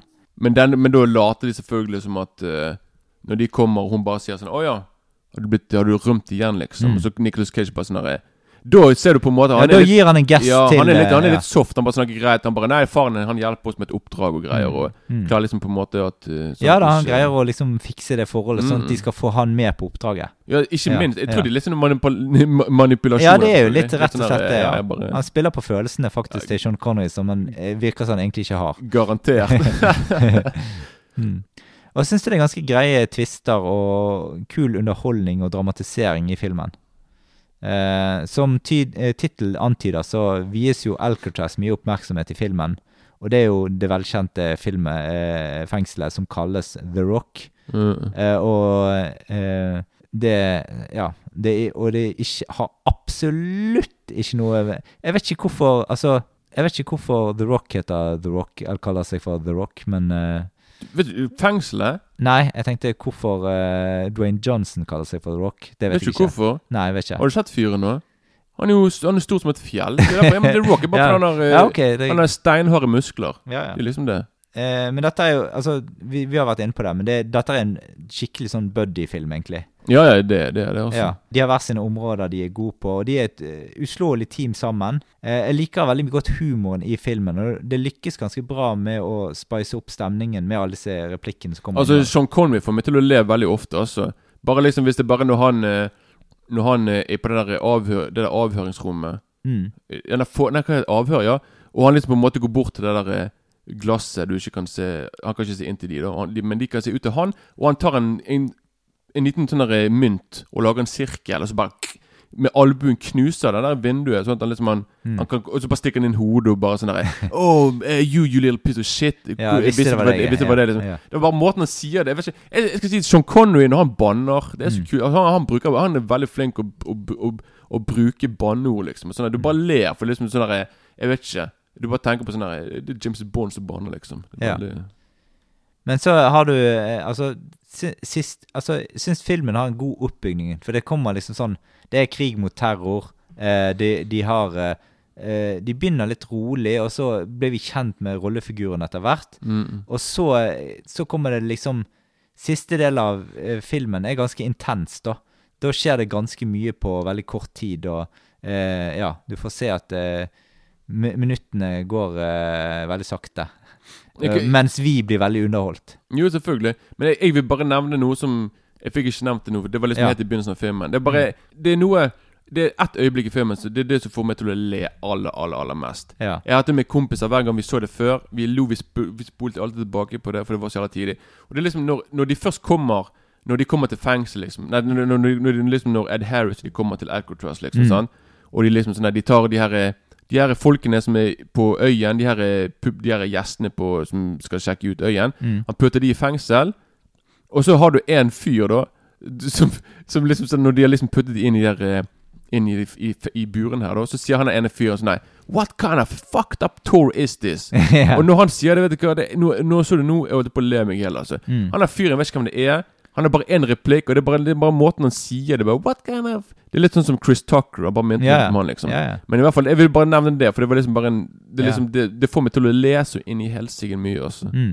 Men nå, nå skal vi ta oss eh, på slutt, eh, slutt eh, til slutten her, altså. Men, men før du sier det, du må jeg, må Ja. bare si en ting til som, som i begynnelsen av filmen òg. Ja. Det er faktisk uh, når uh, Ed Harris Når han liksom ringer inn til uh, Når han skal komme med sine Hva heter det?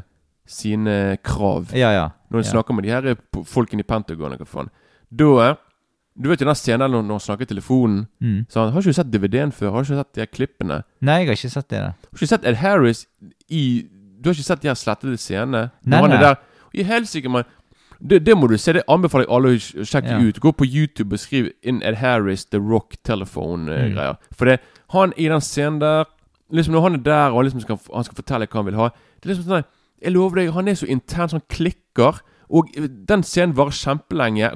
Det, det er et mirakel at de klarte å klippe den til en scene som funker. For det, Mm. han er der når, liksom, når kameraet ruller hele tiden, og han er der Han knuser, han slår telefonen, og han klikker, han banner. Bare sånn det! Han er så intens. Og det er sånn der, Det varer sikkert i fem minutter der han på en måte bare skriker og hoier og banner og steiker. Han er så in the moment. Men han, Mm. han får ikke frem det han vil, men så han skriker der, og han bare klikker, og s- for å gjennomgå, liksom. Mm. Så jeg anbefaler å sjekke den scenen ut. Altså, det er Mm. helt Det er tidig, men litt skremmende òg, for han er jo Han er så intens der, liksom. Mm. Men eh, ja, det er, en, det, det er en klassiker, så sjekk ut den scenen på YouTube, for å si det sånn. Ja, riktig. Ja. Mm. Du òg må ikke gjøre det. Ja, ja, jeg må gjøre det. Jeg har noen lekser til neste gang. Du har lekser til neste gang, det må du. ja. Jeg visste ikke at det eksisterte noe sånn her eh, Jo, det er jo legendarisk, det der. Altså. Okay. Alle som snakker om, eh, om The Rock, snakker bare Ja, det er Ed Harris-greiene når han knuste telefonen i Mm. virkeligheten, liksom. De driter opp i filmen. Det er jo akkurat det, det, de ekstrascenene der som er Ja, ja, sant. Det er liksom det som er det, Ja. it, Ja. liksom. Men i hvert fall, eh, da går vi mot eh, avslutningen på The Rock. Eller gjør vi det?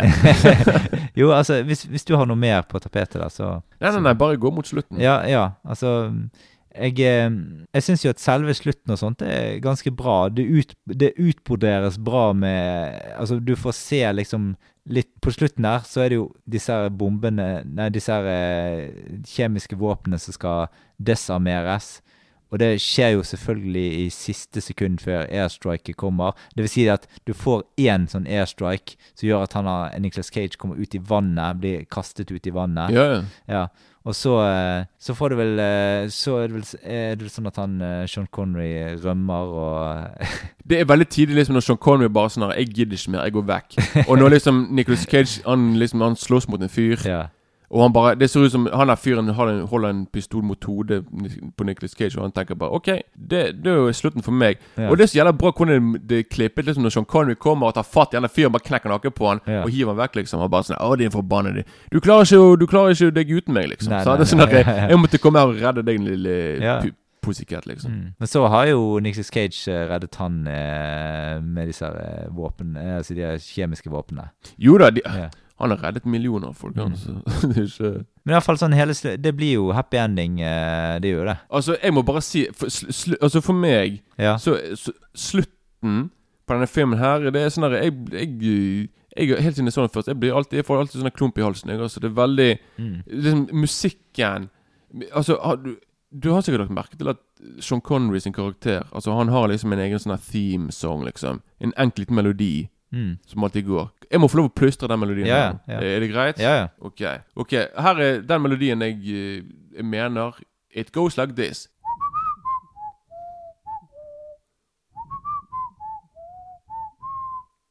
Så enkelt. Husker ikke du det? Jo, jo, jo. Ja, det som når, når, han, når han liksom hopper ned i vannet for å redde Nicolas Cage Når han liksom Når han har blitt slengt ned i vannet, liksom. Mm. Så, når han, så kommer musikken akkurat der. For når, når du ser Sean Connery, så, så kommer den sangen der. Og hver eneste gang jeg får frysninger. Så jeg, eh, Mm. Det er så utrolig bra laget. Liksom Måten han på en måte På måten liksom når han får vite liksom at han At Når han liksom sier sånn OK, nå Dette var det. Da Mm. du, sant, nå, eh, jeg går, jeg går min egen Vi går til sant, Vi går våre egne veier og greier. Og sånn og sånn og sånn. Og liksom når han skal gå, liksom bare måten Du husker scenen liksom når han står på den der eh, Hva heter det? liksom den der, Ikke kaia, men liksom når, når, du, når du ser han i bakgrunnen, liksom. Mm. Og vi ser han der. Og så klipper vi til Nicolas Cage når han sier, han sier en setning. Klipper tilbake til der vi så Sean Connery. Uh, sånn vekke, liksom. mm. Det var bare en Så der bare Jeg får frysninger nå til og med. Altså, jeg, som sagt, jeg, jeg elsker sånne scener. Det er Liksom, den, scenen, den scenen minner meg om Point Break òg. Liksom, sant? når, Mm. når Bodie bare sånn forsvinner ut i havet. Ja. Sean Connery her, han bare forsvinner ut i Mm. Ut i hva enn det Der er. har vi linken mellom alle tre filmene. Ja, jeg ser. Og, ja, ja, så, men ikke Stallone i Cliffhanger. Nei, Han, eh, nei, men, eh, men der er det jo han uh, Litgo som John Lithgow som forsvinner i, eh, opp i I fjellheimen. Ja, ja, Ja, sant. ja. Ja, men liksom jeg bare Jeg synes liksom at det bare får Connery til å virke som han er en liten sånn der, eh, Mm. En sånn mytisk figur. En bare sånn her De trengte det. Sånn, jeg følte det nesten sånn James Bond kom ut av eh, Ja, for det, altså Du kan jo egentlig si det at alle tre Altså eh, her Alle tre bad guyene, altså de kriminelle i alle tre filmene, de forsvinner ut i Ja. Ja, de ja faktisk. Ja, Ja. De, det er faktisk. Ja, det er sant, det. De, har, de, de har, en, de har noen, de har noen eh, likheter der, ja. Mm. Nei, men altså, som sagt, jeg, eh, for meg det er, det er liksom det som gjør Jeg elsker film, filmen fra før av. Jeg syns det er en av 90-tallets beste actionfilmer. Og jeg syns Mm. liksom, liksom at slutten er Selvfølgelig òg liksom når du på en måte Sean Connery forteller hvor den der eh, Mm. rulletei, denne teipen er, med masse sånne hemmeligheter. Og når liksom Nicholas Cage Når, det slutter med liksom at, at, at han sier til hun der damen Til konen bare sånn Nei, du, vil du vite hvem som drepte Kennedy? Og så bare. Jeg husker første gangen jeg så filmen, jeg bare Hvorfor fikk ikke vi se det? Jeg trodde liksom at vi skulle få Jeg trodde liksom at de hadde faktisk At de manusforfatterne hadde på en måte De hadde liksom svaret på det. Jeg bare Nei, vi får aldri vite hvem som gjorde det. Og forresten, manusforfatter Tarantino fant Mm. vi ut av Han har jo faktisk vært med og skrevet manuset, da, men i all hemmelighet. da Han er på en måte- ghostwriter. Ja, ghostwriter, liksom. Mm. da Så han, Det kan godt hende at han har lagt Jeg vet ikke om han har skrevet noe av dialogen og kanskje noe av den Mm. de kule setningene til Sean Connery. Det vet Det er jo godt mulig, ja. Det er veldig vanskelig å vite hva han har, hva han har Mm. bidratt med, da. Mm. Men eh, ja, det er en liten, en liten kul detalj, da. Ja.